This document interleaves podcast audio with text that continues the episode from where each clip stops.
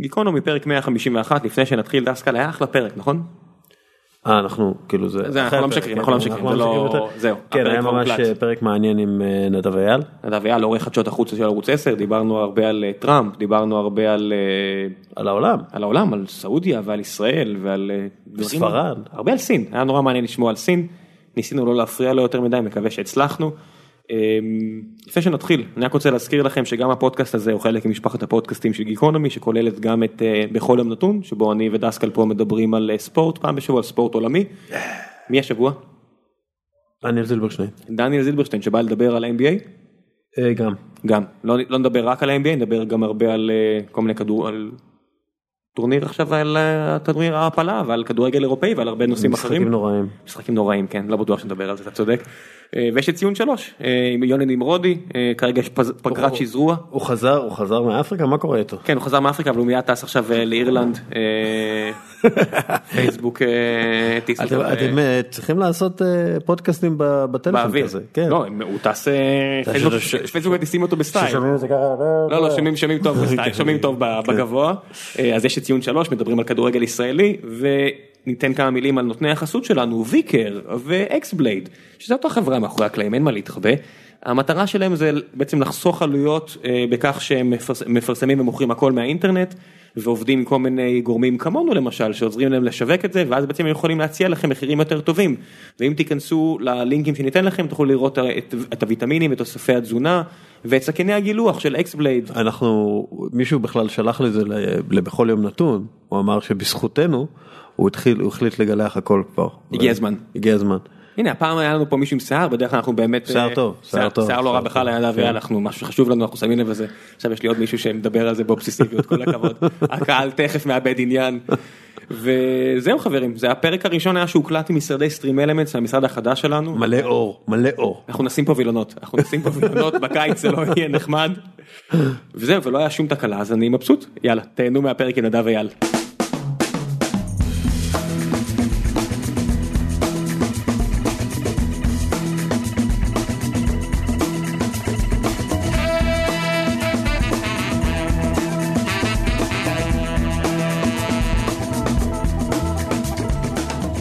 מרגיש כמו לונדון קירשנבאום כשאני לא לונדון ולא קירשנבאום שניכם אה, כמה פעמים הייתם ביחד שם? מה, די הרבה. כן. לא יודע. אני יושב פה במשרדים, היינו צריכים להביא את ירון. אני יושב במשרדים החדשים של סטרים אלמנטס עם אה, אוראל דסקל, כמו שאתה נקרא מ- מעתה ואילך אוראל, קבל את זה. אה, אתה- לא מכיר בטח. לא. אירחנו את ז'אן טלסניקוב, הכדורגלן, כן. והוא קורא ל- קורא לו אוראל, אז אנחנו... אבל הוא מעוות לכל אחד את השם הזה זה בסדר. בסדר, אבל הוא עושה את זה בצורה כל כך חיננית שאנחנו פשוט זורמים עם זה לגמרי. ונדב אייל שיש לך שם שמורכב משתי שמות פרטיים אז אף אחד לא מעוות לך אותם אף פעם. כן, גם אף אחד לא זוכר את השם. כי זה שני שמות פרטיים. אז מה קוראים לך אייל? היה היה מאוד קשה. כן. אבא של אשתי עדיין, דרך אגב, קורא לי אייל. זה עוד לא נפל. אנחנו הרבה אחרי עשר שנים. שותף שלי פה בחברה קוראים לו דורון ניר וזה בעיה- בעיה דומה. כן. איך הולך? אה, סבבה. דיברנו עכשיו על טראמפ על הציוץ שלו. תסביר למאזינים שלנו מה היה. אה, שאני אקרא את הציוץ? תקרא את הציוץ. שנייה, אני צריך אה, לקרוא אותו אחד לאחד בגלל ש... תעשה את זה אבל בקול של טראמפ. totally fake news. אני חושב שזה נהיה כבר אה, עורכי חדשות חוץ פותחים את הבוקר עם טוויטר מה טראמפ אמר. לגמרי. זה, דרך אגב, ככה היום שאני אפתח כל בוקר, אז אני אקרא את הציוץ, because you cannot make this shit up. Why would Kim Jong-un insult me by calling me old when I would never call him short and fat? Oh well, I try so hard to be his friend and maybe someday that will happen. אתה יודע מה זה מזכיר לי? אה, גיאוטראק און מווייטנאם. אתה יודע מה זה מזכיר לפני שנדבר על הגיאוטראק הזה שיש אה, לג'ימי פאלון את הקטע שסלבריטאים קוראים טוויטים מעליבים עליהם. כן, אתה מכיר את זה? כן. אז אני מדמיין את אה, קים ג'ונג און עומד כזה מאחורי בריק וול ומקריא דברים שטראמפ אומר, כן. למה הוא כל כך רע אליי? אבל אבל אני רואה שזה כאילו אחרי אה, רצף של ציוצים שבהם הוא בעצם מגן על מערכת היחסים שלו עם רוסיה ועם פוטין כשהוא תוקף כמובן את הילרי crook את הילרי קלינטון והכל. אוקיי זה זה זה כבר לא חדשות כן כי אנחנו אפשר יודעים אפשר ש... לסכם שזה אחרי כן. רצף של כמה וכמה שנים. כן, זהו. של הדברים האלה שמנית. אז אה, אוקיי שם היה אמ, אה, פודקאסט עם אד מיליבנד והוא הגדיר את אה, דונלד טראמפ בצורה הכי טובה שיש הוא עשה את זה עם דיוויד אקסלרוד מ-CNN שהיה כן. בזה של אובמה. והוא אמר שטראמפ is an enemy of complicity, כאילו שהוא הוא, אה, הוא אויב של המסובכות, של הקומפלקסיות. ו, ואני חושב ש... קומפלקסיטי. קומפלקסיטי, לא כן. complicity, לא. קומפליסיטי, קומפליסיטי זה משהו. אוקיי, אז הוא אומר שהוא הוא אויב של המסובכות. כן. וזה, וזה פשוט כאילו הוא באמת הפך את כל העניין הזה לגן ילדים בתפיסה, כלומר, וזה נכון מאוד. כלומר, כי העולם מאוד מסובך, אוקיי? והרבה דברים מורכבים כן. יש. ופשוט דונלד טראמפ ובכלל כל תנועת הפופוליזם אומרים, אה, זה זה, המהגרים הם רעים, המוסלמים הם רעים, אנחנו הטובים, אה, זה טוב, זה רע, וזה כאילו, אתה יודע, it appeals to a lot of people, הרבה אנשים אוהבים את זה. אה, תראה, אה, אחד הדברים אה, שהיחידים שנחרטו בי מהסדרה של מלחמת הכוכבים, אתה יודע, הסדרה הלא מוצלחת, לא זאת שיצאה עכשיו, אלא הקודמת. השלישייה, זה היה הקטע שבו אובי וואן קנובי הצעיר אומר ללוק סקייווקר הצעיר, only the Sith speak in absolute.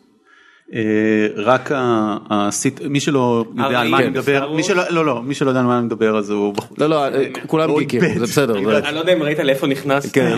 אין, עדיין אה, דברים על הקירות אבל יש צעצועים של סטאר וורס. אגב, ברור לי שטעיתי, שגיתי עכשיו ב- בציטוט הזה ואני אקבל על זה ים הוא בתגובות. גם אבל- לא דיבר עם לוק, הוא דיבר עם- אה, אבא של לוק. אה, נכון, הוא דיבר עם אבא שלו. נכון. דסקל אני מזהיר אותך, ה- היכולת שלך לפנות לקהלים מסוימים יורדת ב- מרגע לרגע. קודם כל, אשתי גיקית על, אז אני, שחשוב. כן, אז זה מה לא, לא, אבל שחשוב. זאת הייתה הערה טובה וטוב שהצלת אותי. אמ, אני, אני חושב שחלק ממה שפופוליזם עושה, חלק ממה שבכלל, אני חושב שהמציאות שלנו, השיחה שלנו, שהיא קשורה מאוד לרשתות החברתיות עושה, זה אנחנו כל הזמן מחפשים איזושהי שיחה שהיא שיחה במושגים מאוד אה, פשוטים ובעיקר בינאריים. אנחנו מחפשים תשובות בינאריות, אנחנו גם בנויים דרך אגב על עולם בינארי עכשיו, אבל אז כל, כל השיחה בנויה מקודדת בינארית, אבל אנחנו גם התחלנו להביא את הבינאריות הזאת לתוך השיחה שלנו ממש. המשמעות היא שבתוך אה, רשת חברתית, באופן בסיסי, אנחנו או נרצה להיות לצד משהו שגורם לנו להרגיש נעים באופן כללי, או משהו שגורם לנו להיות מאוד מאוד כועסים, אבל מאוד כועסים, לא קצת כועסים, לא חושבים על זה, אלא מאוד מאוד כועסים. אנחנו צריכים להיות באחד מהמצבים האלה. וחלק מהדברים שקרו לטראמפ זה שטראמפ נתן לעצמו להיות מותנה על ידי מה שקרה ברשתות החברתיות. זאת אומרת, הוא ממש עבר תהליך של התניה, הוא ראה בעצמו מה עובד, הוא מדבר הרבה מאוד על טוויטר. הוא אומר בעצמו, וזה ציטוט שלו, להיות עם חשבון טוויטר היום זה כמו להיות מוציא לאור של עיתון. רק בלי. לשלם על כל הדברים. נכון, ו- יותר. ו- וזה מה שהוא עושה, והוא הוא למד מה עובד ומה לא עובד. אתה מכיר את הסרט על הווארד סטרן, המגיש רדיו? כן. יש שם סצנה שאני ודורון, אה, שותף שלי לעשייה, ותמיד אה, משחזרים אותה ומדברים עליה, שאחד המפיקים ששונאים אותו נכנס, ואומר שזה זה כל כך לא פייר, כי בקרב האנשים שאוהבים אותו יש לו עשרה אחוז, אבל בקרב האנשים ששונאים אותו יש לו איזה עשרים אחוז, כי הם רק מחכים לראות what will he say next. כן. וטראמפ הכי מגלם את זה מהבחינה הזו, זה, זה, הוא רואה שזה עובד. הציוץ הזה שאני כרגע קראתי לכם בהתחלה, הציוץ על קים ג'ונג און, הוא אחד הציוצים הכי מצויצים שלו, הופך להיות. והמשמעות היא שאנחנו, מהבחינה הזאת, אם חשבנו שלקראת האלף הזה, הרעיון של עולם שהוא עולם יחסי, פוסט מודרני כזה, הוא קצת נמוג לטובת כן אמירות מוחלטות, כן איזשהו חזרה של מוסר או משהו כזה, לא, זה לחלוטין נמחק, אנחנו נמצאים במצב שבו זה ממש לא משנה מה אתה עושה, זה רק משנה אם זה מצליח. אנחנו רואים את זה. מצליח כלומר- זה מופץ, כן. מצליח זה מופץ, זה, וזה נכון לגבי כל דבר שאתה עושה אגב, זאת אומרת גם כשאתה מדבר עם החבר'ה האלה בתל אביב, אתה מדבר עם איזה אימא מהפרברים באזורים שאני גר בהם, כן, בקעת אונו, היא מספרת לך, אה מה הבן של, עושה, אה תראה הוא, הוא כותב אלגוריתמים והיא יודעת שהוא כותב אלגוריתמים, אבל מה הוא עושה, זאת אומרת מה, מה החברה עושה, אה תשמע זה איזה מנגנון חדש להימורים לבני נוער, זה הולך מצוין, ועכשיו הם חושבים למכור שם נשק, כאילו לקחת את זה מהדארקנט ולמכור נשק באפליקציה. אבל וזה- להיות מספיק שטוח שיהיה אפשר להסניף ממנו. ואז כן, ואז אומר, באמת, ואז היא אומרת כן ויש לו אופציות, יש לו אופציות, אז אה, אבל למרות שתן לי לתקן אותך שבתעשייה עכשיו זה כבר נהיה כתם. אני מדבר עם אנשים, גם אני, גם אנשים אחרים פה שמגייסים עובדים, שמישהו מגיע לך היום מחברות כאלה, השיחה מתחילה בדרך כלל בלמה. כן, למה אבל- הייתי שם כל כך הרבה זמן? אבל ו- הכתמים האלה אנחנו רואים שהם לא משמעותיים כלומר אם אנחנו הם- אם הם- אנחנו מסתכלים התעשייה עשתה עצמה- עושה עם עצמה חשבון נפש מאוד נכון. מאוד חמור עכשיו. כן. אנשים מבינים, אתה יודע, הרבה שנים אנשים דיברו על זה, אתה שומע, אתה בדרך להרצליה פיתוח, אתה שומע, אתה רואה חבורה של אנשים שבבירור הונו בסוף שבוע זקנים בארצות הברית, כן. בצורה הכי נוראית שיש. ואנשים היו בשקט עם זה, ואתה רואה את אותו דבר עם מטלות מיניות, שאנשים עכשיו מבינים שמה שמקודם היה אפור נהיה שחור. לא, אני חושב שאתה צודק, אני אגיד לך גם למה, אני, אני חזרתי, לפני כמה חודשים הייתי בסיליקון וואלי ונפגשנו עם uh, הבחור הספרדי שמכר את הגרסה הפייסבוקית בספרדית, שהוא הקים מיד אחרי זה לפייסבוק, הוא היום מספר 3 או 4 בפייסבוק, והוא האחראי המסכן הזה, הוא אחראי על מוצרים, שזה אחריות די גדולה בפייסבוק, והוא אחראי על קומיוניטי. עכשיו האיש הוא בחור צעיר, נורא נחמד, אני חושב שקוראים לו אנח- אנחל או אנחל, אני לא, אני לא זוכר בדיוק, ו, והוא פשוט היה אה, איש טרוד מאוד, מודאג מאוד, להתרשמותי אפילו מוסרי מאוד, כי הוא אחראי על איך מטפלים באנשים האלה שהחליטו להתאבד בשידור חי בפייסבוק. זאת אומרת, מה, מה אתה עושה? ומי שלא מאמין לסיפור הזה אני יכול לספר על מפגש שלי עם אחד הדירקטורים של פייסבוק שאחראי מה שנקרא good will. כן. אתם מכירים את זה שאם יש אסון טבע כן, אז כן, אה, כן, כן, mark yourself as safe כן. או כל הדברים האלה. אז אני חושב שאולי אותו, זה לא אותו אחד, אוקיי. אה, זה זה אחד אחר ויש הרבה אנשים בפייסבוק שמבינים גם אם זה במובן ציני כן. ולהתרשמותי זה לא כי הם באמת מה שנקרא באמריקאית drinking their own kool-aid, כן. הם באמת מאמינים שהם מנסים להפוך את העולם ליותר טוב, כן. גם אם מהצד זה נראה לא, אבל הכוונות שלה- שלהם בהרבה מקרים באמת טובות. כן הם הגיעו, הם, אתה יודע הם הגיעו, הם הקימו מקום, אני, אתה יודע בחורים יכולים לפגוש בחורות וההפך והם יכולים להכיר את עצמם בקמפוס ופתאום מפה לשם ואז הם ירוויחו המון כסף מזה ועכשיו ועכשיו אנשים באים אליהם ואומרים רק שנייה אתם בגללכם הילרי הפסידה. אז ברור שהם לחוצים, זאת אומרת ה brand שלהם, בוא נעזוב כרגע גם את כל העולם המוסרי הפנימי שלהם, בוא נניח שאין עולם מוסרי עזוב, פנימי, אחריות פלילית, אבל ה brand, כן. ה brand שלהם נמצא באמת בסכנה, הוא מותקף מכל הכיוונים כי הם כל כך גדולים, הם עוד רגע הם יהיו יותר גרוע ממייקרוסופט בתוך העולם, אני חושב, זאת הם- הם ההתרשמות שלי. לגמרי שם, הם- אה. מה שרולניק וחבריו אה, בכל מיני מקומות בעולם, והוא עושה את זה עכשיו מהרווארד, בכל מיני מקומות כאלה, הם מנסים בדיוק ללכת על התלם שנחפר אז עבור מייקרוסופט ולשים את פייסבוק וגוגל זה שם. הרבה יותר גרוע, אגב אני כתבתי, אני- בזמנו כתבתי מאמר על, על, על, רק על, על הקטע המיסויי. כן. ואני חושב שכתבתי אותו לליברל וזה המאמר היחיד שאני חושב שהופיע גם בליברל גם בדה מרקר וגם במאקו. הם ביקשו לפרסם אותו את, המ, את הטקסט הזה על אה, הדרך שבה גוגל ופייסבוק יחד עם המערכות הפוליטיות הנוכחיות בישראל אני חושב שהכותרת הייתה גוגל פייסבוק וביבי. אה, תורמים לשימור של מצב קיים זאת אומרת הם בכלל לא עוסקים באמת באיזשהו סוג של חתרנות. המשקיע- אתה אגב אתה ראית ששון פארקר אמר על פייסבוק שכאילו זה עם הולך שון לה- פארקר בשיחה זה כן. אה, הוא- שון פארקר, הבחור של נאפסטר, כן, כן. ש- שיש לו מניות בפייסבוק, לא מעט אפילו. כן הוא היה אחד מהאחראים. ל- ל- ל-. כן. אז הוא אמר שכאילו אלוהים יודע מה פייסבוק עושה למוחות של האנשים ושל הילדים וכאילו. כן. כל תופעה גדולה, אתה יודע, אחד המשקיעים, המשקיע הראשון של פייסבוק החיצוני, פיטר טיל, שהוא כן. המנכ"ל של פייפל ואחד האנשים היותר חזקים, endorsement לטראמפ, ככה הוא זכה בפרסום שלו מחוץ לתעשייה. אז הוא אמר שהמשפט הכי מפורסם שלו, שאם תחפשו בגוגל את המשפט הזה, הוא, זה competition is for losers. הוא, הוא כאילו רק מדבר על תגיע למצב שאתה לא מנצח את התחרות, אתה לא בתחרות, שהשאיפה של כל עסק היא מונופול.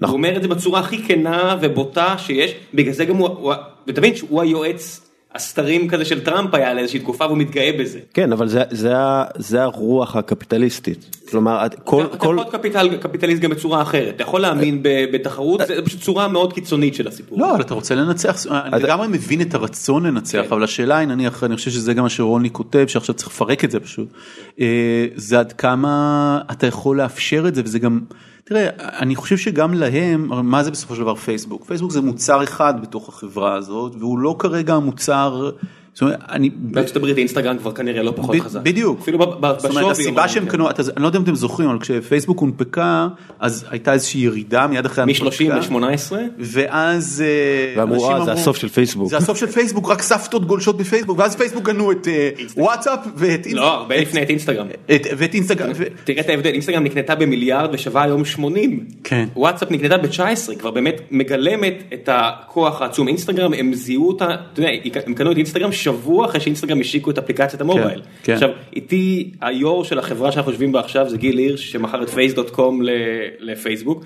והם קנו את Face.com זה דברים ציבוריים שאני לא חושף שום דבר כן. שבוע אחרי שהושקה האפליקציה הם נהיו כל כך טובים בלזהות את החברות האלה הרבה לפני שהרגולטור בכלל יכול להתערב ולהגיד טוב זה לא פייר שאתם קונים אבל חבר'ה זה, זה קטן אין פה אין פה משהו שבאמת יכול להתחיל אנחנו רואים הרבה קדימה כן. וזה מעניין עכשיו קנו אפליקציה של ארבעה חבר'ה ש... שהם- ש- שהם- זה אחרי הבריינסטורמים הם קנו אותה, זה כאילו הם לא... זה לא כזה רחוק, רק ארבעה חבר'ה ופרילנסרים ב-90 מיליון דולר. עכשיו אני רוצה לראות מה הרגולטור יגיד, אתם פוגעים בתחרות, איזה תחרות? כן. על מה אתם מדברים? אינסטגרם בלי המערך של פייסבוק היא לא אינסטגרם, כי היא רק מקום שמשלמים בו תמונות, הכוח האמיתי זה היכולת שלהם לעשות אינטגרציה עם כל הפרסומות והכל, בגלל זה האתגר של הרגולטור פה, גם האתגר המוסרי, באיזה זכות, מה, מה אתם רוצים לעשות, אם, אם תפרקו אותם, אתה יודע, אני אומר למשל על, אה, עבדתי עד לאחרונה אה, בבנק לאומי, באיזשהו משהו, ואני עכשיו, אתה רואה מבפנים את העניין של הפירוק של הכרטיסי אשראי. ועכשיו הרגולטור אומר, "ת- תיקחו את הכרטיסי אשראי ותפרקו את זה. אז זה אני יכול להבין, אני, אני רואה את המודל, אני מבין כסף נכנס, כסף יוצא, המודל מאוד פשוט, זה יכול להיות, וזה כבר עכשיו חברה חיצונית, אני מבין. אבל כשאתה לוקח בחברת טק ומפריד אותה, מה בעצם קורה? האם אתה מוכן אפילו להרוס את אינסטגרם רק בשביל להחליש את פייסבוק? או, שמה, או שתמכור אותה לענקית בדיוק. אחרת? איך אתה, אתה, אתה תחלק אותה כמו שחילקו את בל, אתם יודעים, את חברת הטלפונים, אתה תגיד "אה, לא, יש פייסבוק של הווסט קוסט, פייסבוק של קוסט, זאת אומרת, שם זה תשתיות פיזיות, ואנשים לוקחים את המתודולוגיות האלה ומדברים על הרבין ברנס של המאה ה-19, משם הטרמינולוגיה גם מגיעה, ומדברים על בל שנות ה-50, אבל זה כבר לא שם. גוגל... היא- יכול יכול להיות שהמודל הוא קשור הרבה יותר ל-revenue, זאת אומרת, אני חושב שאחד הדברים שמדברים עליהם זה, דבר ראשון זאת שיחה מאוד קיימת, זאת אומרת, ברור, ואני חושב לשלושתנו שזאת שיחה מאוד קיימת, בכלל השיחה הכי גדולה, אני חושב, מההתרשמות שלי מהסיליקון וואלי, זה, זה בכלל מודלים של חיים, זאת אומרת, איך אה, קהילות יכולות לחיות את החיים בתוך הסיטואציות החדשות שנוצרות עם אוטומיזציה ו... אה, ומצב אה, דיגיטלי, אבל אני חושב שלדוגמה מודלים אחרים אומרים שה-revenue הוא לא שלך. זאת אומרת, זה יכול להיות מאוד מאוד גדול, אבל אנחנו לא הולכים, we're not gonna split the company, but we're gonna split the revenue. וזה עוד אחרי שלקחת כסף ממיסוי שכרגע לא נלקח. נכון. זה, זה שלב שני, שלב ראשון תיקח את הכסף שחוקית כולם ברור לכולם שזה לא אמור להיות באיזה... אבל אז זהו. אז זהו שזה כבר לא ברור לכולם, זה כבר לא ברור לא, לכולם לא, הדברים לא. האלה. ואנחנו חוזרים, אנחנו חוזרים לטראמפ, טראמפ, אותי תמיד מעניין אם כאילו הוא בן אדם אה, מורכב שמבין את העולם הפשוט או שהוא בן אדם פשוט שמצליח בעולם המורכב הזה. כלומר, כי, כי אני חושב שהוא הוא ציני מאוד, כלומר, יש שם אני יכול תוכנית, לספר לכם סיפור, אני אספר לכם כן. סיפור על טראמפ שלא לא חושב שסיפרתי בטלוויזיה. ו- בלעדי, סיפור ראשוני. אמ, זה סיפור טוב, אני חושב שמדגים אה, מי זה דונלד טראמפ, ואני חושב שזה שיא המורכבות, לשאלה שלך. כן. אמ, כשהייתי בארצות הברית לא מזמן, הייתי בסן פרנסיסקו ובאזורים היותר עשירים, וביקרתי בבית של משפחה מאוד עשירה, שדווקא למרבה הצער לא השקיעה בעולם הטכנולוגיה, למרות שהייתה ממוקמת היטב. ו... השקיעו בפרינט, וה- משהו טוב כזה, אה, בוא נגיד שאתה אתה נכנס שם לחדר וכל הקירות, הכל מסביב. ציד. זה, לא, זה ציורים אה, מק- מקוריים, אה. אה, וחלקם זה מונה, אז אתה מרגיש מאוד אה, בנוח. כן, כשאתה מגיע ללובי וזה- של גוגל פייסבוק זה באמת הציורים מקוריים, זה באמת ההבדל. כן, אז אה, בעצם זה כסף ישן, ואז המארח סיפר לי סיפור על טראמפ. הוא סיפר לי שיש לו חבר שהוא אה, אחד ממעצבי ה- מגרשי הגולף המפורסמים באמריקה, ואנשים באים במיוחד לשחק גולף במגרשים שלו, והוא היה עושה מגרשי גולף הרבה שנים עבור אה, טראמפ, ובוא נקרא לחבר הזה ג'ף כהן, בסדר? הארכיטקט גולף הזה. עכשיו זאת עבודה די פשוטה, הוא לא עושה פיקוח, הוא לא עושה ביצוע, הוא רק מתכנן, שולחים לו מפה טופוגרפית פחות או יותר, והוא מתכנן על זה מגרש גולף, ואז טראמפ לצורך העניין מקים אותו ואנשים באים לשחק כי זה נחשבת יצירת אומנות אני לא מבין את כל הקטע הזה וזה נראה לי סיפור מבין אבל זה, כן. אה, לא בקיסריה יש כמה גם, גם בארצות הברית, שמעת את הפודקאסט של מלקום אה, גלדוול? על ניתן זה? לינק. כן אה, אז אה, בקיצור אז אה, ג'ף כהן עבד איתו הרבה שנים ואז הוא אומר לחבר הזה זה שאירח אותי תשמע אני החלטתי לעבוד- להפסיק לעבוד עם אה, אה, דונלד אני לא עובד איתו יותר נמאס לי אני לא רוצה לעבוד איתו יותר תמיד קשה עד שהוא משלם. עכשיו הוא תמיד היה גובה בערך מיליון דולר עבור מגרש גולף רק עבור התכנון שום, שום דבר של ביצוע שום דבר של פיקוח רק התכנון. ואז החבר הזה המארח אומר לו אבל איך אתה איך אתה תיפטר ממנו זאת אומרת זה יהיה קרב מאוד קשה והוא הוא מאוד יעלה וזה אז הוא אומר תשמע עם, עם טראמפ כשאתה רוצה לחתוך איתו הדרך הכי טובה לחתוך איתו זה, זה עם כסף. אז זה, זה תמיד הדרך הכי טובה פשוט אני אגיד לו פעם הבאה שהוא מתקשר אני אגיד לו תשמע זה יעלה מיליון, מיליון וחצי דולר. זה יעלה מיליון וחצי דולר ואני יודע שהוא יקלל אותי וזה אבל אבל ככה זה לגמור יפה. אני יודע שהוא יקלל אותי, אנחנו מדברים על נשיא ארצות הברית. אז עכשיו נשיא ארצות הברית אז לא. טוב אז אה, זה מה שקרה אה, לכאורה כי אותו מארח אמר לי תשמע אחרי כמה חודשים אני קורא עיתון ואני רואה שדונלד טראמפ פתח מגרש חדש בפלורידה וכתוב בכתובית את ג'ף כהן יש שם ממש plaque וכתוב את ג'ף כהן גולף אה, resort. אז אני מתקשר לחבר שלי ג'ף ואני אומר לו ג'ף תגיד לא אמרת שאתה לא תעבוד יותר אף פעם עם דונלד טראמפ וג'ף אומר לי אני באמת אה, החלטתי לא לעבוד איתו פעם הבאה שהוא התקשר אז אני אמרתי לו מיליון וחצי דולר הוא באמת טרק לי ובזה העניין נגמר. ואומר המארח אבל אני ראיתי שעכשיו הוא פותח אה, מגרש גולף שקוראים לו ג'ף כהן אה, גולף ריזורט ואז אה, ג'ף אומר לו כן תשמע מיד אחרי שהוא גמר את העניין הזה גמר איתי הוא הלך לבחור בשם ג'ף כהן.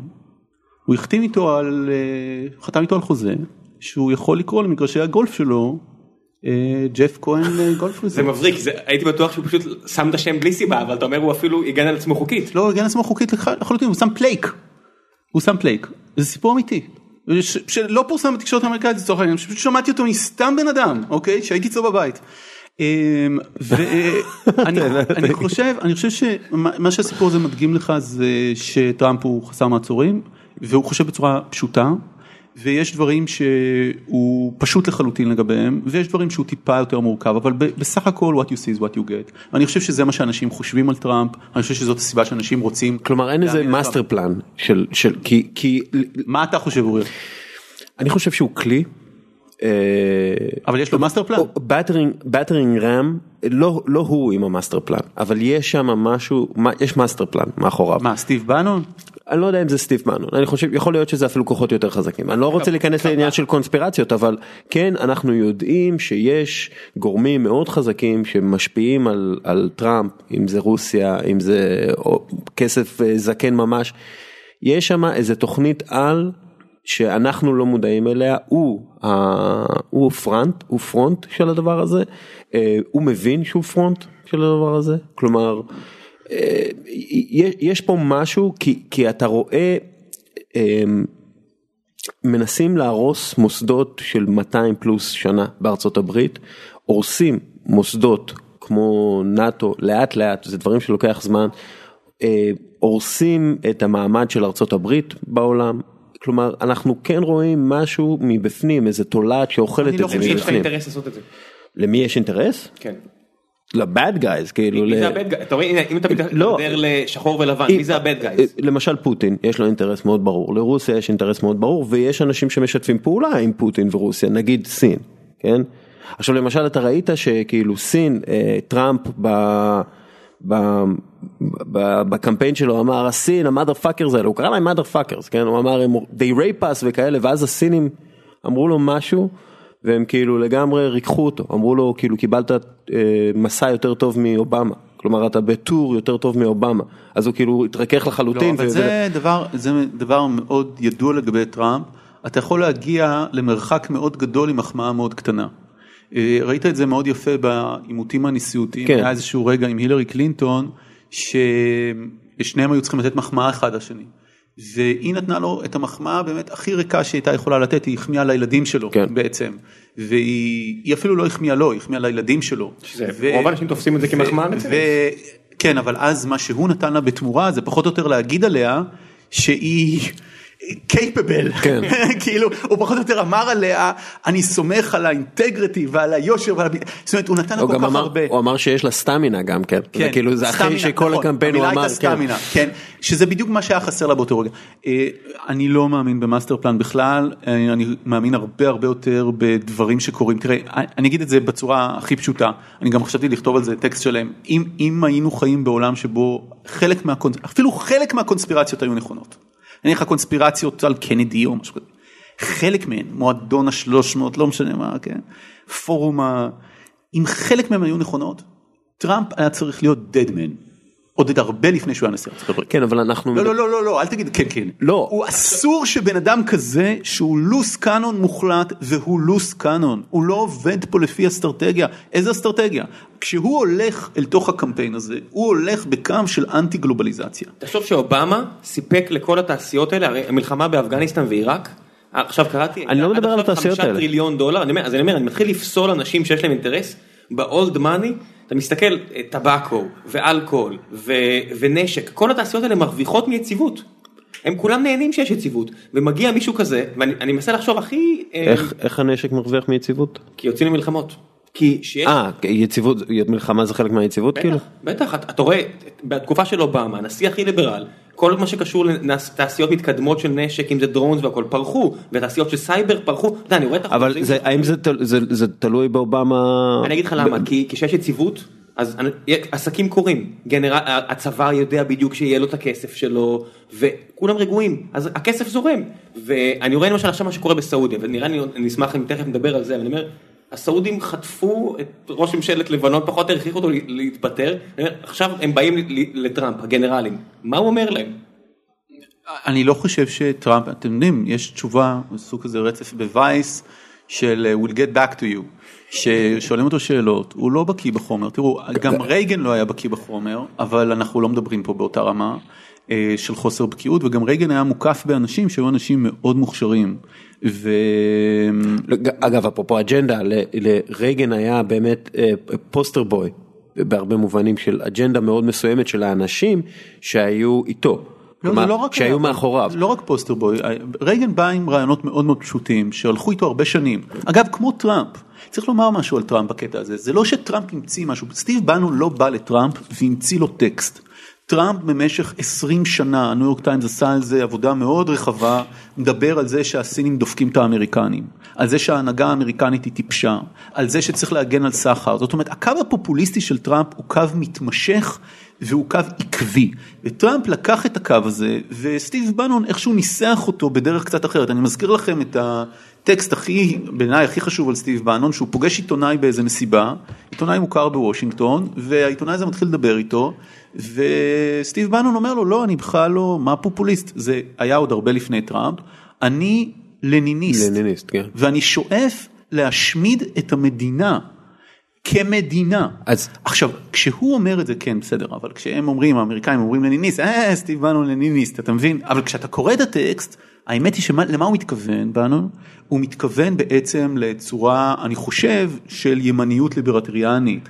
זאת אומרת, הוא שואף להשמיד את המדינה כמדינה, לא כי הוא הוא. לניניסט, כן. לניניסט ששואף להש... לשים במקומה מדינה קומוניסטית. אבל אנחנו כן רואים- זה מי שרוצה להפיץ את המסר החוצה, כן, הוא לניניסט רק במובן של החלק הראשון, כן. בוא נשמיד את המדינה הישנה, אבל נשאיר את זה בלי איזשהו, עכשיו, או קורא לזה לאומנות אז אנחנו, כלכלית. אז אנחנו רואים אנחנו רואים את טראמפ אה, שנכנס במוסדות או מחליש אותם אגב הרבה בהרבה מובנים מה שהוא עושה ל State Department ול... אבל הוא לא עושה את זה, זה, תשמע, האם טראמפ, אם הוא היה יכול, האם הוא היה ממנה את כל השגרירים, אני לא יודע אם אנשים ששומעים אותנו יודעים, אבל כן, רוב לא. השגרירים האמריקנים לא מונו, כן. הם לא קיימים, זאת אומרת, אנשים מבינים שברוב המקומות, אבל זה בכוונה. הוא החזיר את השגרירים הביתה והוא לא מינה. אבל זה קורה הרבה, בדרך כלל כשנכנס נשיא, לא, רוב לא, לא. לא, השופטים והרבה מהשגרירים מתחלפים, לא? כן, לא ברור שהם אה, מתחלפים. פשוט לוקח זמן אתה אומר?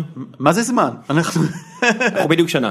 לא, לא שנה לתפקיד, הוא נכנס ב-20 בינואר, אנחנו כן. לא שנה. אבל, אבל איפה הם? הוא לא מצליח, זה לא רק זה, הוא לא מצליח למנות. הוא ניסה למנות, הרי הוא כמעט מינה את, אה, כן. את כהן בתור... אה, איפה אין כרגע? אין, אין, אין הנה, הוא- סגן הוא- שר הוא- חוץ. הוא כרגע בווייטנאם. אה, כרגע, יש שם- יש שם שגריר? לא יודע, לא יכול אה, להגיד לך. אוקיי, מחלקת המדינה האמריקנית כרגע ריקה, אין סגן שר חוץ אמריקני. אין סגן שר חוץ. גם מחלקת הוא- המזג האוויר שם איך קוראים לזה ה- זה שריק פרי הוא הראש כן, שלה אמ, האנרגיה. כן אה, גם היא אה, מתרוקנת ו... הוא, הוא מנסה למנות הוא- אנשים, הוא לא מצליח למנות אותם עכשיו, הוא נמצא במצב די טוב בסנאט, הוא לא צריכה להיות לו המון בעיה.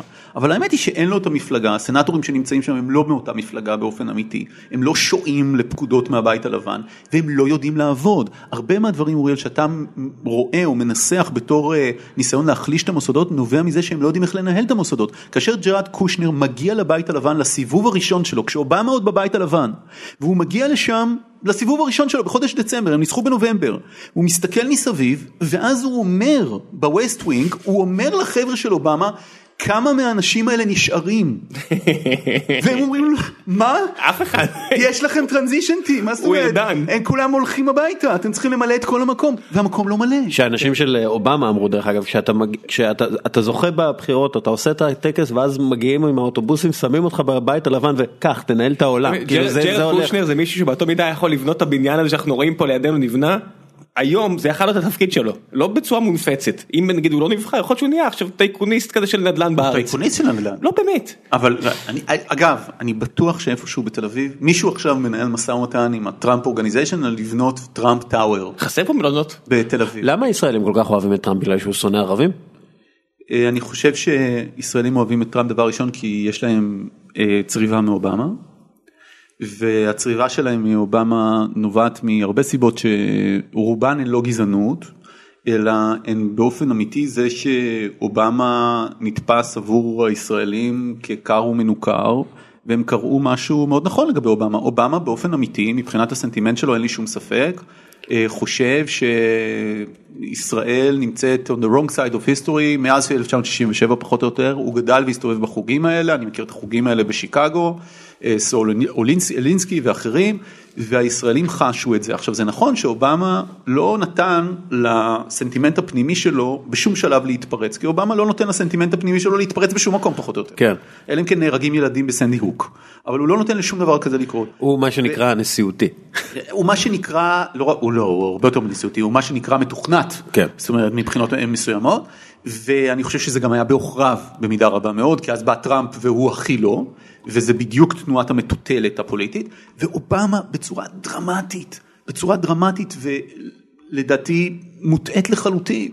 לא הצליח להבין שכדי לקנות את הציבור הישראלי הוא צריך להשקיע בסנטימנט ואני זוכר את השיחות שלי עם אנשים עם אמריקאים בוושינגטון וגם פה בארץ שבו אני אומר להם תגידו למה הוא לא בא לבקר אתם לא מבינים שעל ביקור אחד בשנה הראשונה בשנה השנייה בשנה השלישית על ביקור אחד אתם יכולים לקבל כל כך הרבה מה, האמריק... מה הישראלים רוצים תן להם קצת אהבה והם ייפתחו. אבל כן ביקר. כן. הוא ביקר מתי?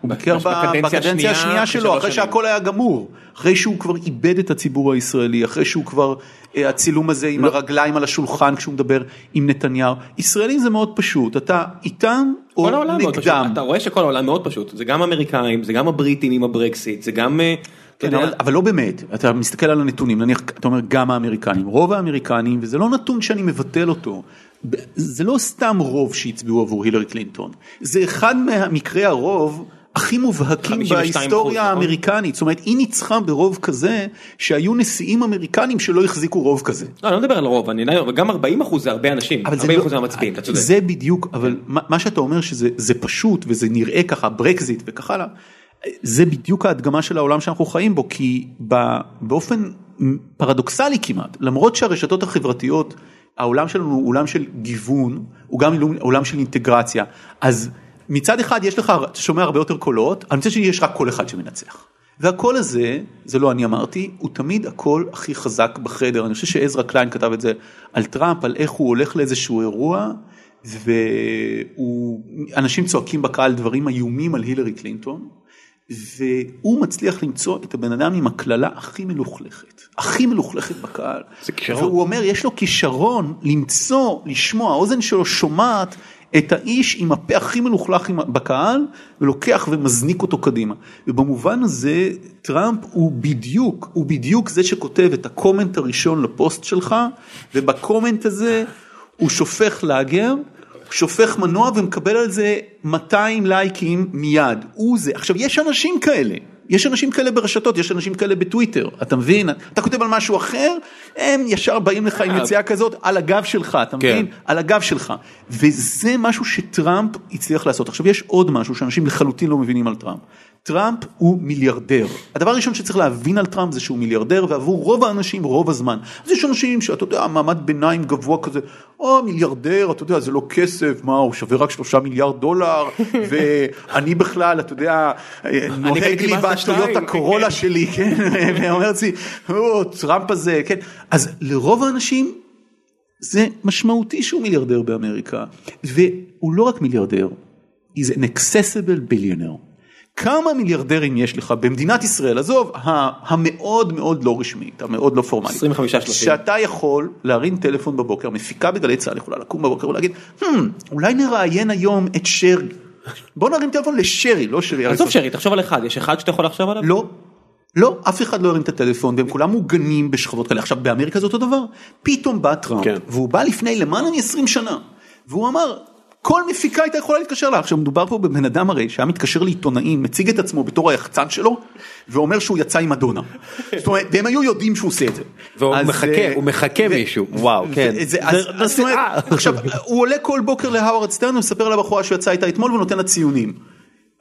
אין מיליארדרים כאלה. עכשיו אנשים אומרים וואו האיש הזה אני יכול לגעת בו וכשהוא עולה על המטוס הפרטי שלו שמעוצב בסגנון ורסאי כי אם אני אהיה עשיר כמובן שהכל יהיה מעוצב בסגנון ורסאי כי כי ככה זה ככה זה צריך להיות אצל אני- מיליארדרים. אני רוצה אסלה מזהב. אבל כשהוא על, ה- כשהוא על המטוס הזה וזה הדימוי הכי חשוב של דונלד טראמפ מה הוא אוכל על המטוס מה הדימוי שהוא מוציא החוצה ובגלל זה הוא גאון. הוא גאון הוא מגיע לו תואר גאון. הוא אוכל מקדונלדס במטוס הפרטי שלו. מישהו אשכרה גם וורן זה באפט, גם. וורן באפט פותח את היום שלו, אני לא יודע, אתם מכירים את זה? כן, כן, פותח כן, עם הש- בסרט. עם השני הסוגי מנות. אבל זה כן, תלוי. אבל וורן באפט אבל לא... את הסיפור עד הסוף, זה תלוי מה הוא עשה אתמול לבורסה. כן, הוא לוקח או את המנה היקרה של השני דולר או את המנה הזולה של ה... Yeah, טוב, וורן, וורן באפט גם קונה מכוניות משומשות אה, שנפגעו רק בפח, בגלל שהם אה, ירדו את הערך. וגם אז- הוא, אני מניח כבר... אבל אין את המטוס הפרטי. נכון, לא, ואני אומר, עכשיו, גם הוא, אחרי שכבר אשתו הלכה לעולמה, איפשהו, זה כבר פוזה שמתחזקת את עצמה, ו- וכיף לו עם זה. הוא עדיין גר באומה, זה לא כן, פוזה, כן, הוא לא, גר לא. באומה. אבל גם אנשים, אתה יודע, גם הם מתחזקים את זה עד, עד היום האחרון, זה עדיין יכול להיות פוזה, אומר, אתה יודע, מה זה פוזה? זה חלק מהבגד ששמת על עצמך, של אני צנוע, וזה בסדר, אתה יודע, היו אה, רובי ריבלין. הוא משחק את התפקיד הזה, גם אם הוא באמת כזה, עכשיו שהוא מבין שמעריכים את זה ומדברים על זה, נכון. עכשיו הוא, עכשיו הוא מבליט את זה, וזה, אין לי בעיה עם זה, כן? אני רק אומר, זה התפקיד שהוא משחק, וטראמפ, שהוא אוכל את המקדונלדס, מאוד יכול להיות שהוא קצת בהמה גם. לא, לא, הוא לא, אבל דרך אגב? לפי- אם אתה תלך אחורה לשנות ה-80, אתה תגלה שטראמפ לא אוכל מקדונלדס. הבנתי. שהוא מספר שהוא אוכל רק אוכל צרפתי, הוא אוכל רק אוכל טבעוני, זאת אומרת, יש כל לא, מיני... יכול להיות שהוא לא. מעריך את זה, אני אומר, יכול הוא מבין טוב מאוד, כשהוא אוכל מקדונלדס על המטוס, אתה יודע, בשביל מטוס פרטי, הרבה. יותר קל להגיד לשף להכין לך פילה, אבל אתה, מישהו אשכרה היה צריך ללכת, לקנות את המקדונלדס, להעלות את זה על המטוס, והוא עושה את זה כי זה הרעיון של דימוי. הוא אתה- מיליארדר זמין, מיליארדרים זמינים אין כמעט בעולם, הוא לא גם- מפחד מאף אתה- אחד. אתה ראית- אתה ראית American Psycho? כן. אז אז יש שם ב American Psycho זה הרי על היאפים בניו יורק של שנות ה-80 איפה שטראמפ היה מלך כלומר טראמפ זה ה heyday שלו הכי גדול אגב שם גם התחילו השאיפות הפוליטיות וכו' והם כל הזמן מדברים על, על כאילו הם הם אומרים זה 4-5 פעמים ב, ב, בסרט טראמפ אכל פה כאילו במסעדה הכי זה טראמפ הוא פה אה טראמפ יושב פה וכאילו.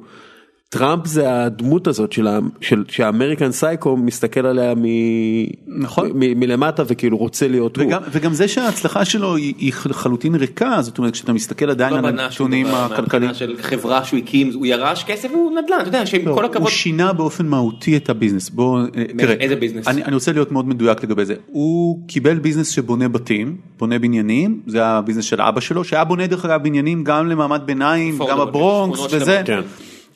והוא הפך את זה לביזנס של brand בעצם, נכון, ושל חברת brand. ניהול.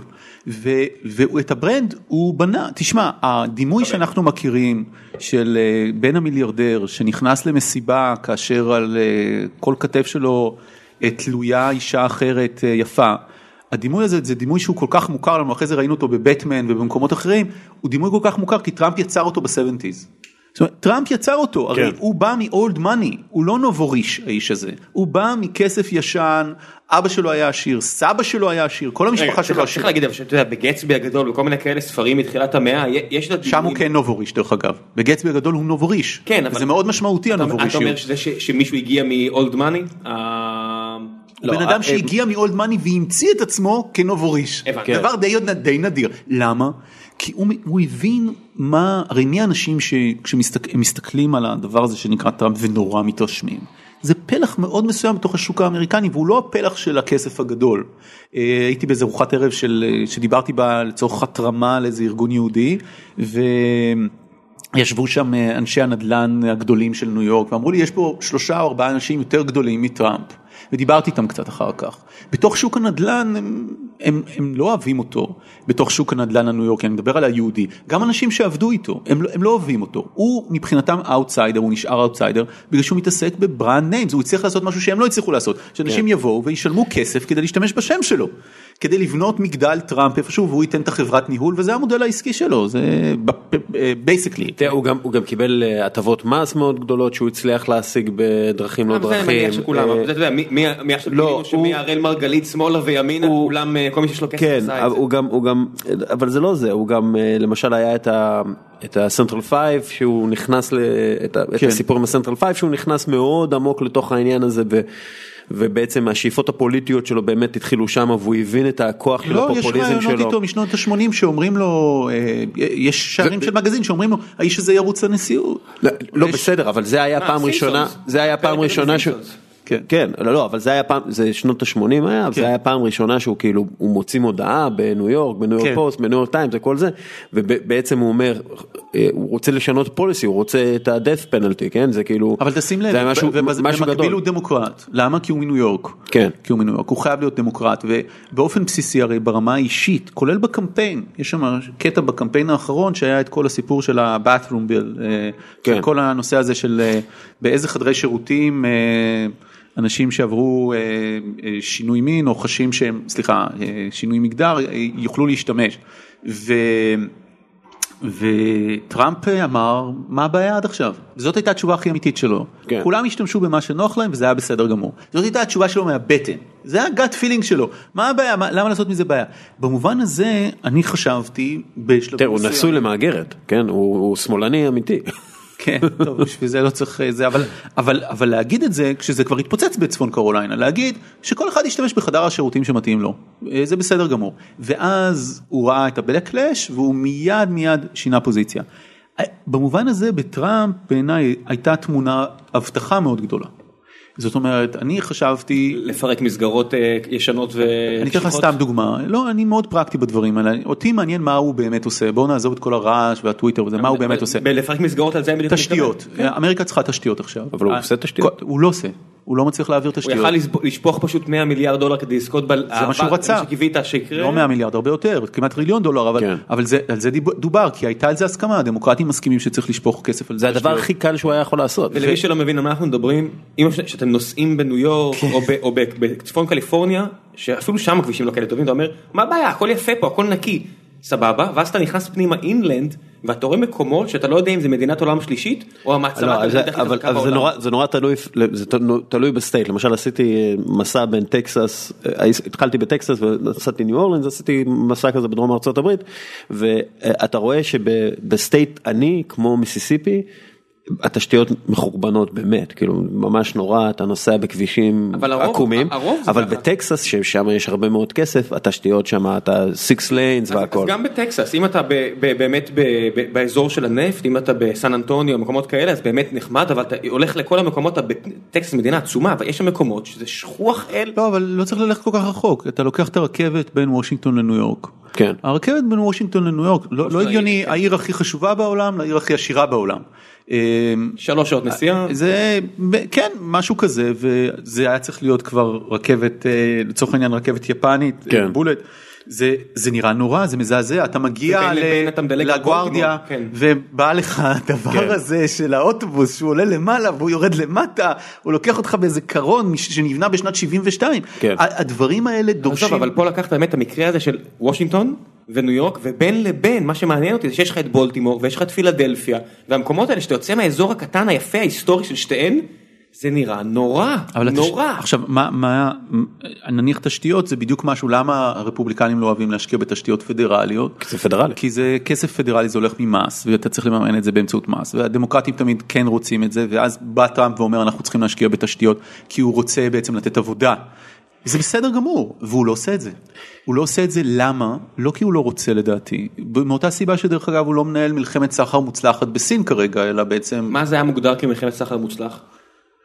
יש, תראה, בוא נתחיל מהסוף. השער של אה, המטבע הסיני אה, נמצא עכשיו במצב טוב מבחינת האמריקנים וזה חלק אתה מתכוון יואן דולר? כן, אוקיי. מה זה, יש הערכות שהוא כרגע המטבע עם השווי הכי גבוה בעולם, אחריו השקל. כן, נכון. אה, וזה... השקל זה המטבע השני הכי חזק בעולם. אחרי היואן. עכשיו, מה זה בעצם אומר? זה, זה בעצם מעודד אה, לחלוטין את היבוא של סחורות לשם, זה מקשה על ייצוא של סחורה סינית, וזה דבר שהוא הוא תוצאה של המאמצים של ממשל טראמפ בין היתר, אבל גם של הבנה עמוקה של הממשל הסיני של תופעת טראמפ.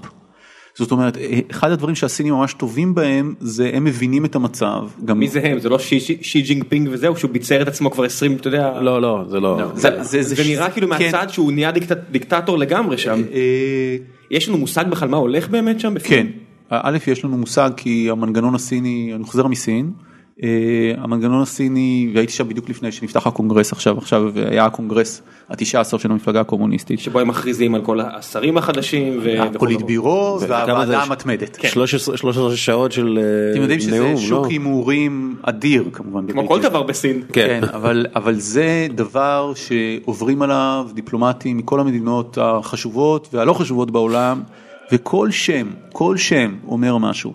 המנגנון הסיני, בתשובה למה שאתה אומר, דבר ראשון, שי הוא המנהיג הכי ריכוזי בהיסטוריה של סין מאז מאו, בלי ספק. כשאמרתי את זה פעם לחבר שלי, שהוא המנהיג הכי חזק מאז מאו, אז החבר הסיני שלי אמר לי, לא, אתה טועה, הוא הרבה יותר חזק ממאו. אז כי- אמרתי כי לו, מה הוא למה? נכשל בכל הניסיונות שלו. הוא אמר לי, מאו יודע להחליט הכל, אבל שי יודע גם מה אנשים חושבים. הוא אמר את זה בהקשר לוויצ'ט ולטנסנט. לא, עזוב את זה, אני רואה את כל המקרים האלה של השחיתות, שכל, אתה יודע, אם פתאום הוא קולט שהעם לא רוצה שחיתות, אז הוא יודע להקריב כמה כבשים בצורה מאוד הפגנתית. זה לא רק כבשים, באמת אחד הדברים, נניח הוא הראה לפוליטבירו של המפלגה הקומוניסטית הקודם, הוא הכריח אותם לראות את הדוקומנטרים על נפילת ברית המועצות. וזה ממש היה קטע שלו, הוא הכריח אותם, וכל המטרה של המפלגה היא לעשות את זה. עכשיו, חלק מהעניין זה, זה כאילו. להימנע מההתפרקות. מה, כאילו. למה להימנע? כי המפלגה בברית המועצות הפכה להיות בעצם חלולה, והיא הפכה להיות מאוד שטחית, ההחזקה שלה של המערכות של מנגנוני השלטון הייתה שטחית. אז קרו שני דברים, מצד אחד אתם צריכים להיות נורא רספטיביים, אתם צריכים להבין איפה המשברים. אז היום פעיל של המפלגה הקומוניסטית, נניח באיזה כפר בסין, הוא לא כמו שאנחנו מדמיינים את זה, איזה מין דיקטטור כזה מושחת לגמרי שבונה כבישים ולוקח חמישה אחוז. הגרועים הם ככה, אבל רובם הם שומעים כל הזמן וכותבים דוחות. היום אמרו לי תושבי הכפר שככה וככה, היום אמרו לי ככה וככה, ואז המפלגה מנסה להגיב לזה. כן. זה מצד אחד. מצד שני להפוך אותה להרבה הרבה יותר חזקה בתוך הציבוריות הסינית. להחדיר אותה לכל מקום, לתוך חברות מסחריות, לתוך הצבא, לתוך כל מקום, ומי שמייצג אותה זה שי. אז אה, אה, זה, זה, זה רחוק מאוד מ... מדיקטטורה של אדם אחד והרבה יותר קרוב למצב טוטליטרי שיש שכבה שלמה גם יש שכבה ענקית שנהנית מזה. כן. זאת אומרת אנחנו צריכים לזכור שרוב יש הרבה יותר מ... יש מיליוני מיליונרים בסין. יש 300 מיליון אנשים מעמד ביניים, שמתוכם יש כבר מיליונים של מיליונרים. מיל- של מיליונרים בדולרים נזילים אנחנו צריכים להגיד את אני. חווה את זה, אתה רואה בתעשייה פה, אתה רואה, תקשיב, הייתי לפני, אה, אני חושב שסיפרתי פה, הייתי לפני מספר חודשים, הגיעה משלחת של הבנק השלישי הכי גדול בסין. אה, הייתי מהמקימים של פפר, הבנק החדש כן. שלי, ואני יושב שם ואני מציג להם את, את מה שעשינו, כן. והם יושבים שם, מה זה ה construction? ה-China Bank of- of Construction? אם אני לא טועה אז כן, כן. והם, והם היו פה והגיעו איזה משלחת של 40 אנשים, אמרו לי קח תארח אותם, תראה להם מה אנחנו עושים, מן הסתם לא לחשוף יותר מדי, אבל בסדר. אני מציג להם את זה במשך שעתיים, והשיחה התחילה עם, בלי להעליב אף אחד, התחילה עם בהמות, כן. והסתיימה עם בהמות נוראיות שבהם צורחים עליי, צורכים עליי למתורגמנית, תגידי לו שעכשיו אנחנו קונים אותו, תגידי לו שעכשיו יש מספר שאם אנחנו מציעים לו את זה, תתחיל לזרוק לו, והיא אומרת לי, אני לא יודעת מה לעשות, מתחילים לזרוק מספרים, בוא, בוא איתנו לסין, תספר הכל, ואני אומר, אתם, אנחנו בחדר ישיבות של הבנק, מה זה ההתנהגות הזו? ואני אומרת לי, המנכ"לית שם, אתם רוצים לכו דברו איתה לרכוש ידע וכל הדברים, האלה." ותוך- כדי הם תוקעים גרפצם. ותוך כדי הם תוקעים גרפסים, רק שנייה, שהם רוצים לקנות, נו, אז הם קנו? אבל עזוב לקנות את הטכנולוגיות הבנק. הם רוצים לקנות את אותי, הכל. אה. מבחינתם הכסף נהיה כל כך אה, בחזות הכל שהם יושבים שם, רק היה חסר שהם יזרקו רגל על רגל ויזרקו למה. לא נקנית אבל? למה אתה פה? אני חושב ש... אני חושב שזה כל כך פלילי. אני חושב שעצם, כמו שדיברנו לפני כן משהו על טראמפ, שרק אם הגלגל רק עובר לי בראש, אני חושב שלא לא משתלם לי בלונגרן. נדב שאלה, אני רוצה שנייה לחזור הברית לשנייה ואז ואז ללכת למקומות אחרים. אה, אנחנו ראינו במונטנה נבחר אה, מהגר ליבר- ליברי ראשון אה, וילמוט פעם, פעם ראשונה שיש שחור אה, ראש עיר במונטנה, אה, ובווירג'יניה נבחרה, אה, נבחר, נבחרה טרנסג'נדר על פניו של הבן אדם שהריץ חוקים נגד טרנסג'נדרים. האם אנחנו רואים backlash דמוקרטי לטראמפ? כלומר האם אנחנו רואים איזה משהו עכשיו כאילו האמריקאים כי בסופו של דבר אתה יודע התרבות האמריקאית או התרבות שהם רוצים לייצא החוצה זה תרבות ליברלית כביכול אתה יודע אה, הרבה הרבה אה, כל אחד יכול לעשות מה שהוא רוצה כל אחד זה וכולי. אין ספק שיש התעוררות אדירה בתוך הרחוב הפרוגרסיבי, הליברלי, השמאלני לצורך המאזינים שלנו ש- של אמריקה. יש התעוררות אדירה, אנחנו רואים את זה. איך אנחנו רואים את זה? אני מסתכל על הנתונים האחרונים מווירג'יניה ואני רואה שבפרברים שהם סופר שמאלניים, אה, אם הצביעו להילרי קלינטון X, עכשיו יצאו מהבית להצביע שני X.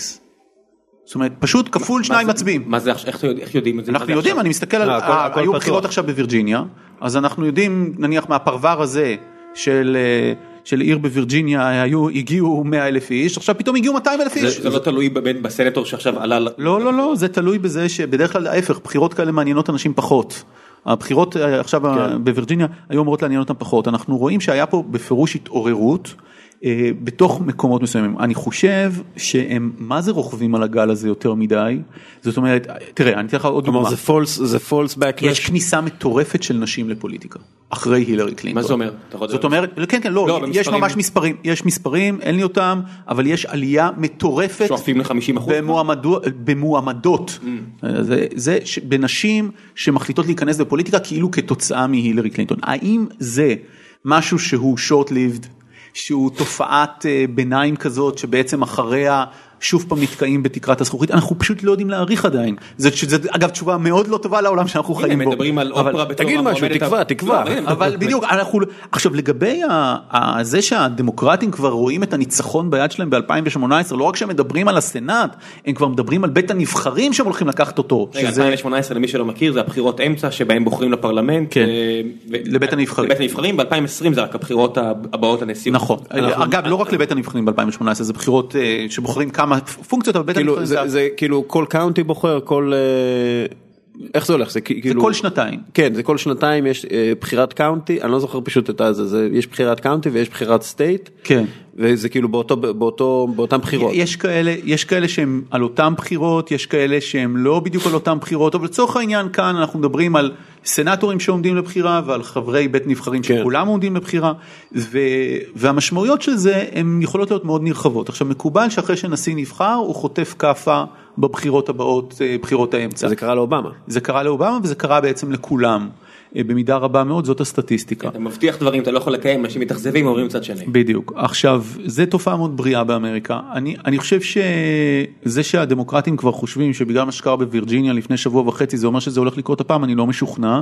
אני מציע להקשיב, אני תמיד מקשיב למה שסטיב בנון אומר מהבחינות האלה, ואני חושב שבמידה רבה מאוד, אה, איך נגיד את זה בעדינות, אה, יש המון בעיות היום בתוך המנגנון הדמוקרטי, המון המון כן. בעיות, המון התפלגויות, אה, המון קרבות פנימיים, ראינו עכשיו מה שקרה עם אה, יושב ראש המפלגה שכתבה ספר אה, מכפיש על אה, הילרי קלינטון ועל הקמפיין שלה, הם עוד לא התאוששו. זה אשכרה מלחמות היהודים שם כאילו זה זה השמאל הישראלי, כן. זה השמאל הישראלי בהעתקה אל תוך המצב הדמוקרטי ו, ואל מול הדבר הזה ניצב דונלד טראמפ אה, באמת עם מסר חד חד ערכי מאוד מאוד ברור, אה, מאוד בטוח בעצמו והוא שולט בצורה כל כך מרשימה ברשתות החברתיות וזה חלק מהשאלה שאנחנו צריכים לשאול את עצמנו תראו אחת האינדיקציות שיש לנו היום ואנחנו יכולים לראות אותה בכל מיני מקומות וזאת הייתה אינדיקציה לפני שטראמפ ניצח שאנשים שמדברים עליהם יותר ברשתות החברתיות הם אנשים שבדרך כלל בדרך כלל מנצחים. זה דבר נורא מעניין. זה קורלציה אבל שנבדקה רק פעם פעמיים כי לא היה לפני כן. ושנית קורלציה לא, אה, אתה יודע, correlation היא לא, אה, זה לא, causation. כן בדיוק. כפי שמלמדים אותך בכל בית ספר אמריקני ובארץ מעט, מעט אה, פחות. זה אחד מהשאלות ראיון בפייסבוק. כל פעם שאני כותב, דרך אגב, כל פעם שאני כותב ציוץ על קורלציה, זה נכון ש-correlation is not causation, אבל, אבל correlation היא בדרך כלל האינדיקציה הכי טובה. זאת אומרת, כן. ל- לדוגמה, אם אני אשפוך את המים, בוא כן, נתחיל אבל- בזה שאם אין קורלציה כנראה שגם כן. אין- אין מה לדבר על זה. כן, אז, אז תמיד, אבל תמיד קופץ הסטודנט הזה לשיטות מחקר א', כן. שנה ראשונה, עם ה-copy-paste כ- שלו. כותב לי, לא, זה לא, אבל זה לא אומר, אז אה, תראו, זה נכון שזה לא נבדק, אבל זאת השאלה, בוא, בוא, בוא נעשה את זה הפוך, מתי יש לנו מועמד שלא מדברים עליו כל כך, כן, ואני לא מדבר על מועמד כמו רוי מור עכשיו מאלבמה שהוא פדופיל, אלא, ש- ש- ו- אז מדברים עליו יותר. עדיין, כן, הרפובליקאים עדיין כן. תומכים בו, אז, זה מדהים. אז, אז, אז, אלא על מועמד שמדברים עליו המון אבל הוא מפסיד. רגע, אז אנחנו צריכים, אה, לפני שנעבור לשאלות מהאורחים עוד מעט, אני רוצה קצת שנעבור למקומות אחרים בעולם. אוקיי. אה, דיברנו על ארה"ב עד עכשיו, תסביר לנו קצת מה קורה, אם אתה יכול, על במזרח התיכון המשוגע הזה. כי זה נראה כאילו בשבועות האחרונים, כאילו זה בהיפר בלאגניזציה, כאילו על סטרואידים. לא, אני, אני חושב שהמזרח התיכון, אה, ד- דווקא בשנה האחרונה הוא נכנס לתוך מצב של סדר, כשיש עכשיו גורם אחד שהוא גורם מאוד מאוד אה, בלתי צפוי. והגורם הזה קשור הרבה יותר ב- בהורמונים אה, סעודיים מאשר לא, הוא בן 30 כבר, אתה יודע. כן, הוא בן 30 אבל מתבגרים לאט בממלכה והוא עכשיו אה, נהיה יורש העצר והוא רוצה להיות מהפכן ויש פה הרבה מאוד עניין של אגו ואתם יודעים אני לא הייתי שולל על הסף שכל הטיהור הזה נעשה כולו עבור אה, ווליד בן טלל שהוא האיש העשיר ביותר במזרח התיכון וכרגע מוחזק ככל הנראה בריץ קרלטון בתור אסיר. איש שמחזיק במניות בחברות הטכנולוגיה החשובות ביותר בעולם ותורם למטרות פרוגרסיביות כאלה ואחרות ואני מזכיר לכם היה יריב מר של טראמפ ואולי זה גם קשור לזה וכמובן שחרירי אה, הוא כנראה גם כן אסיר שם. ארי הבן. אה, ומה שאנחנו רואים נגד עינינו זה את סעודיה מפסידה. זה, זה הדבר הראשון שצריך להבין. איפה, בתימן? סעודיה מפסידה בכל מקום כרגע. סעודיה מפסידה בכל מקום. תראה מה קרה בסוריה. מה קרה בסוריה? היא הפסידה את סוריה, נכון? בעיראק היא שחקן? היא לא ממש שחקן, עיראק הפכה להיות במידה רבה מאוד ישות בהשפעה שיעית. אני אפילו מדבר פה בעדינות. היוזמה הסעודית נעלמה. לא, אז מה הסעודית נעלמה? האם היא שולטת בחמאס? לא, היא גם לא, היא נתקעה באיזשהו שלב קשר ואז היא איראן. זאת אומרת, מה קרה בעצם? מי? מממן כרגע את החמאס? לא? אפילו אפילו את המאבק אבל- נגד קטר היא לא ממש מצליחה. היה, היה כישלון, כן? זאת אומרת הם, הם ניפחו שרירים מול, מול אה, קטר ותראה מה קרה עם זה. אבל המקום הכי דרמטי שאנחנו לא מדברים עליו בכלל זה תימן. בתימן מתחוללת מלחמה קשה מאוד, יש מיליוני בני אדם שנמצאים במצב של רעב או קרוב לרעב. הם יש מתים שם- מחולרה. יש שם אה, חשש כבד לחייהם של בין מאות אלפים למיליוני ילדים. המלחמה בתימן גוררת את המשטר הסעודי, עכשיו הם מנהלים שם מלחמת פרוקסי, שהיא הרבה יותר קרובה לבית מהמלחמה הסורית, שהיא גם כן הייתה מלחמת פרוקסי. עכשיו, בתוך המצב הזה אתה מסתכל גם על הקופה השוטפת של ה... איזה קרובה. לבית? בחצי האי. בדיוק. הקופה, הקופה השוטפת שלהם היא כזאת שהסעודים האלה עם כל הנפט שלהם הם במצב גירעוני, הם בדרך למצב גירעוני. הפסיקו את הסובסידיות על חש- על ה- על החש- על הנפט, על הרבה ואז, דברים. ואז הם מנסים, זאת אומרת יש פה תהליך של, עכשיו זה תהליך סופר מסוכן, מה שהוא עושה כרגע, אה, יורש העצר הסעודי, זה דבר מסוכן ביותר, משום שמשפחת המלוכה הסעודית המאוד מאוד גדולה היא בעצם מפלגה. ואתה לא פוגע ב- באנשים המסומנים, וגם אם אתה צריך לסגור משהו אתה סוגר אותו לאט ובשקט, וככה התנהלה המל- הממלכה עד היום. עכשיו הוא עושה הרבה רעש בבריכה הזאת, וזה מאוד מאוד מסוכן.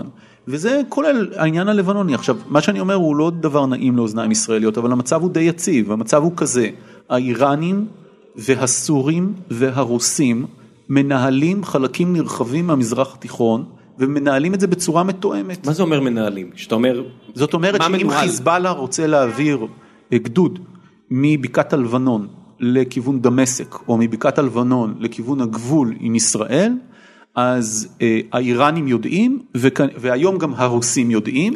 הם צריכים אישור מהם? אה, נגיד לחיזבאללה יש 2,000-3,000 חיילים סדירים? בוא נגיד שבמפקדה המשותפת שבנה הנשיא אסד, או בנ- נבנתה עבור הנשיא אסד שמתאמת פעולות כאלה, אז הדבר הזה יתואם, אני אומר בעדינות עם הרוסים, אני מזכיר שהרוסים מחזיקים אפשרויות היום מקאמיות נרחבות שלא היו להם בעבר, שכמובן משפיעות מאוד גם על החופש פעולה של חיל האוויר הישראלי. לא יכול לא להיות שהרוסים עושים משחק כפול עם כל המפקדה הזאת. מה זה, הם- כל הם- העסקאות- הם- הם כל החיים שלי, כל ה- לא, כל ההיסטוריה אני- הם אני עושים אומר, משחק אפילו- כפול. אפילו איתנו, אני אומר, כל ה- כל המשלוחי נשק האלה שפתאום מתפוצצים, לא יכול להיות שמישהו פשוט סימן אותם כשהם יצאו מרוסיה והגיעו לסוריה? אה, מצד אחד הם מכרו, מצד שני זה הנה ישראל קיבלה את שלה וזה התפוצץ, איך ישראל יודעת למצוא את כל האלה תמיד? א', לא מדובר על משלוחי נשק מ- מרוסיה, מדובר על נשק שעובר מהסורים אה, או מהאיראנים לחיזבאללה. כביכול ידה, ידה. ואני אני חושב שהישראלים הבהירו, במובן הזה ישראל כן מדברת, אה, ואפשר להחמיא כאן לישראל במשך שנים, מתחילת הסיפור הסורי, מנסה לדבר בצורה מאוד ברורה כל הזמן. ולא רק להצביע על קווים אדומים אלא לממש אותם שוב ושוב ושוב ושוב ושוב. לרוסים יש כבוד כלפי זה, זה כרגע לא מסכן אותם, ויתרה מזאת זה גם עוזר להם. הם לא באמת רוצים שהאיראנים יתחילו לנהל את סוריה. עכשיו, הם גם לא רוצים- לפני שנכנסתי לשידור? הזה, למה בכלל הם מתערבים? יצאה ההודעה על זה שנחתם הסכם ארה"ב, רוסיה וירדן על אזורי החיץ בדרום סוריה, שכוללים הרחקה של מיליציות מהגבולות גם של ישראל ושל ירדן. זה אומר שהפליטים יצאו מירדן בחזרה לשם? יכול להיות, אבל בעיקר זה אומר מבחינתנו שיכול להיות שהחשש הכבד שלנו מפני כניסה של מיליציות שיעיות או חיזבאלליות לרמת הגולן הסורית, שזה החשש שמניע במידה רבה מאוד את ישראל, זה, זה לא יתממש כי יש כאילו הסכם ש, שארצות הברית ורוסיה ערבות לו, וירדן היא חלק ממנו, ואנחנו באופן לא רשמי כנראה גם כן אה, יודעים עליו. אז מה שאנחנו בעצם רואים פה כרגע זה מנגנון יציבות חדש שהוא לא מיטיב עם ישראל. זאת אומרת, כשאנחנו אומרים זה בלאגן וזה, יש פה מנגנון, הוא איום ונורא. כן. המנגנון אומר סהר שיעי, אני, אני ראיתי, שמעתי מישהו אומר, אנחנו לא נרשה סהר שיעי מהים עד טהרן. מה זאת אומרת לא נרשה? יש כן, שיעי, באמצע כמובן סוריה אין בה שיעים ממש, יש בה את בני הברית שלהם, במקרה הזה העלווים, אבל יש סהר שיעי שמשתרע כל הדרך מהחוף בביירות עד כן. דרך לצורך העניין בגדד. סהר אתה מתכוון ממש, ממש patch of land, שטח גבו- אה, ט- טריטוריאלי רציף בצורת סהר. כן, אני, אני מדבר על שטח השפעה, זה לא שטח רציף. והשטח השפעה זה של אה, אגב רוסיה. הביטוי שיעי אני חייב אני נותן כאן אה, כוכבית מאוד מאוד חשובה אה, יש עוד עולם המזרחנים הישראלי אני אינני נמנה עליו. אבל יצא לי לשבת באולפנים שבו הם הסבירו לי שמובארק זה לא בן עלי ואסד זה לא מובארק וכך הלאה וכך הלאה. מה- מהבחינה הדתית או- מה- מהבחינה של אה, לא יהיה כלום, אחרי טוניסיה לא יהיה כלום ולא יהיה אביב ערבי וכל מיני דברים שפיזרו פה, לימדו פה במשך שנים שהפלאחים המצרים לא יכולים בכלל לעשות מהפכה כי במשך אלף שנה הם פתחו תעלות השקיה בנילוס, אז זה הפך את המוח שלהם, כל מיני דברים. גם הסינים אלפיים שנה. אני לא רוצה, אני לא רוצה בכלל, כל ה- התפיסה שנניח צריך לקרוא את כל המזרח התיכון לא כעניין. שיעי סוני, לא, כעניין שיעי סוני, שאני כרגע השתמשתי בעולם ההמשגה הזה, כן. זה דבר שאני מתנגד לו מכל וכול, אני חושב שהקריאות האלה, הקריאה הזאת היא כאילו כל העולם הערבי, המזרח תיכוני הפך להיות עוד פעם סונה נגד שיעה, אנחנו במאה שמינית. ה-13 פחות או יותר לספירה, 12 לספירה, שוב פעם נאבקים אחד בשני. אני לא, אני לא מזדהה איתו, יש לי על זה נאום שלם שזה לא הזמן לפרט אותו, שמסביר למה אני חושב שצריך לשפוט את המדינות האלה לפי... כן, מהבחינה גם, אם- אם אתה מחלק לפי שיעה וסונה, אז מה זה טורקיה? איפה טורקיה הרי? לא, אם אתה מחלק את זה לפי זה, אז אתה לא יכול להבין לדוגמה, למה האיראנים תומכים בטליבן הסוני באפגניסטן. וזה על הגבול או- שלהם. או והם למה... הכי פ- פונדמנטליסטים דתיים. סליחה, ולמה הם. תוך, ולמה הם תומכים בחמאס? בדיוק. משום שהתפיסה האיראנית, אתה מנסה לגמד את האיראנים, אולי כי זה נוח לנו, היינו מתים שזה יהיה המצב, שהאיראנים יהיו תחומים לתוך המיעוט השיעי במזרח התיכון, וזהו, ואנחנו נוכל לזרוק אותם לתוך הבסקט עזוב, אנחנו גם מגמדים השיעי. אותם נכון? למשהו נורא אידיאולוגי שבמשמרות המהפכה אנחנו יודעים שיש מיליארדרים ששולטים בנפט ולהם יש את האינטרסים שלהם. נכון. ולא כל חכמי הדת באמת בטח לא, אבל מאמינים יותר מזה, ל- הרפובליקה האסלאמית לא קרויה הרפובליקה האסלאמית השיעית. היא קרויה הרפובליקה האסלאמית, וזה זה נניח, זה אחד מהנושאי הלימוד שלי בלונדון, אבל היה לי מורה דרך אגב שהיה, שהיה בעצמו איראני, ואיתי בכיתה למדו איראנים שלא היו דיסידנטים, הם לא היו בנים של דיסידנטים שגלו, אז שמעתי מהם, הם, הם היו חוזרים לטהרן, והם מספרים לי מה, מה קורה שם. זה מקום שבאמת רואה את עצמו כמשווק, במצב המהפכני שלו משווק את אסלאם. האסלאם, גם יכול לשתף פעולה עם סונים. ועם פעולה. עלווים, כן. הרי עלווים הם בכלל לכל, לכל דבר כת ועניין, נפרדת, כן. הם, הם הפכו להיות מוסלמים אחרי שחאפז אל-אסד זימן אליו לשיחה צפופה את המופתי של דמשק והציע לו הצעה שהוא לא יכול לסרב לה. אה, אה, אה, זה- כולל כולל ראש של סוס על המיטה. מה, כנראה, זאת אומרת, עוד דברים, משפחת אסד עושה דברים הרבה יותר, ראש של סוס זה ממש קטן, ראש של. סוס שנהרג בגז. אה, עכשיו אמרת משהו על אה, על אה, זה שבעצם גדלת בחו"ל נכון כאילו גדלת באנגליה לא, לא, לא, חס וחלילה. לא נולדת גדלתי רק- באנגליה רק, נס ציונה, ההורים לא? שלי הם ישראלים. לא אני- אני יודע לא אבל- לא היה לי שום שנים של חינוך באנגליה חוץ מכסטודנט לתואר שני. אה אוקיי אבל היה משהו יש איזה משהו אנגלי לא לא. ש- אוקיי חס וחלילה. אני מאוד אוהב, אני בעד, אני למה אנגלופיל, אבל אני למה לא... חס וחלילה? לא, לא. לא, אני מאוד גאה בזה שאני ישראלי, הוריי ישראלים, אני לא... אז קודם כל פייק ניוז כן. כי כי כי- בוויקיפדיה רשום מה? בוויקיפדיה כתוב שאתה נולדתי באנגליה. אה נולדת באנגליה לשני הורים ישראלים שהיו אוקיי. שם, שלמדו שם וחזרו לארץ והייתי בן שנה. אה אוקיי אז אבל הם כאילו נולדו בארץ והם גם חיו באנגליה תקופה מוגבלת כסטודנט, אתה יודע. ו- ואתה עדיין אנגלופיל. כן, כן, תראה. איך אתה יכול להגיד שאתה אנגלופיל אתה מתעסק בהכל. אה, לא אבל הוא מ... תראה, אנגלופיל זה בעיקר להגיד של האימפריה. זה בעצם דחייה של מה? לא, זה דחייה של מה? כשאני אומר פרנקופיל. בדיוק. כן. עורכי חדשות חוץ מתחלקים לאנגלופילים ופרנקופילים. מה פפר לעומתך? אה, לא, לצורך העניין... אה, דוב אלפון? דוב, דוב אלפון הוא דוגמה טובה למרות שזה כבר לא הפוזיציה שלו, ניצן הורוביץ שהיה קודמי בתפקיד היה פרנקופיל בלי ספק. ואני אנגלופיל ואיך- משהו איך אחר. אתה מחלק את הקו? איך- איפה נגיד תרבותית זה משתנה? או, זה סיפור אחר לגמרי. קדימה יש לנו זמן. אה, וואו, אה, תראה, אה, העולם, אני חי, אני בא מ... התפיסה שלי היא תפיסה אנגלוסקסית באופן מושרש, אני הולך לתפיסה אנגלוסקסית הרבה יותר מוקפדת על, הרבה יותר מזהה תהליכים כתהליכים פוליטיים, והרבה פחות כתהליכים תרבותיים, אומנותיים או חברתיים, מאשר התפיסה הפרנקופילית. אה, תסתכל על צורת השלטון הפרנקופיליות באפריקה ובמקומות אחרים, וצורת השלטון. אה, האנגלית, אה, במקרה האנגלי או האנגלוסקסי אנחנו תמיד, הניסיון לשלוט הוא תמיד מה שנקרא שלטון עקיף. ובמקרה הפרנקופילי מדובר על אינטגרציה, זאת אומרת, יש הרבה יותר אמונה במקרה הפרנקופילי, הרבה פחות ציניות, יש הרבה יותר אמונה בזה שכולם יכולים להיות אה, ביחד, והאנגלוסקסיות היא הרבה הרבה יותר אה, צינית והרבה יותר אה, מצומצמת והרבה יותר ריאליסטית. אנחנו חיים במידה רבה מאוד בצורת חשיבה שהיא אנגלוסקסית, אנחנו לא לגמרי מבינים את זה, אבל אפילו השפה שאנחנו, הלינגua פרנקה, שאנחנו משתמשים באנגלית, אנחנו משתמשים בשפה שהיא, אם כולנו היינו מנהלים שיחה, שיחות בצרפתית, כשאתה היית הולך לפגישות עסקיות היית מדבר בצרפתית, הפגישות היו נראות אחרת לגמרי. אומרים את זה על ערבית שבגלל שהערבית כל כך מלאה בניבים ולא בניבים בביטויים אה, ציוריים יותר אז כן. בעצם זה משפיע על- על הסגנון המליצי של לא ההסכמים. לחלוטין, אבל נניח כשמדברים, אני קצת, אה, קצת מדבר צרפתית, קצת מבין צרפתית, אה, יותר מבין מי מדבר, ואתה יודע, כשאתה נכנס בצרפתית לשיחה, יש סוגים שונים של שיחות, ויש אה, עיטורים כאלה, בעין, עיטורים בשיחה, זאת אומרת, זה לא הולך ישר לנקודה. שמות תואר משתמשים יותר בשמות תואר מאשר שמות פועל. ג- ג- אתה לא מגיע בפגישה, לנקודה כל כך מהר. אתה- אתה שותה בקבוק יין זה קצת שונה אתה יודע לא- האנגלים אתה- האנגלים אתה מביאים לא- לך תה. אתה לא מגיע לנקודה כל כך מהר, זה במובן מסוים אפילו יותר, יותר גס.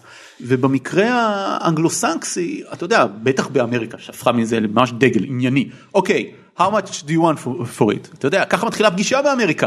אוקיי, we like it. אז מה we want to buy it. אה, נדב, מה אנחנו בעצם? אנחנו ישראלים. אנחנו ישראלים, אבל אה, אתה יודע, היה פה מנדט בריטי והכל, ומצד שני יש השפעה פרנקופילית לא, גם אנחנו, כן, לא? אנחנו לא, לא, אנחנו אנגלוסקסים אה, בצורת בתפיסה? חשיבה שלנו. כן. אבל זה בסדר, רוב העולם הוא ככה. זאת אומרת, זה לא... אתה יכול להגיד שגם רוסיה שבמאה ה-19 הצרפתית הייתה. הייתה, אתה יודע, השפעה צרפתית חזקה וגרמנית תרבותית אבל הם, הם ברחו מזה, אתה יודע, הם נהיו משהו אחר. הם אני חושב רוסים. שהפרנקופילים יגידו שזה זה מה שרע בעולם זאת אומרת שאנחנו היינו צריכים עולם שיש בו יותר יותר רכבות ויותר עידון ויותר מחשבה על תהליכים ופחות על תוצאות שזה מאוד מאוד אנגלוסקסי.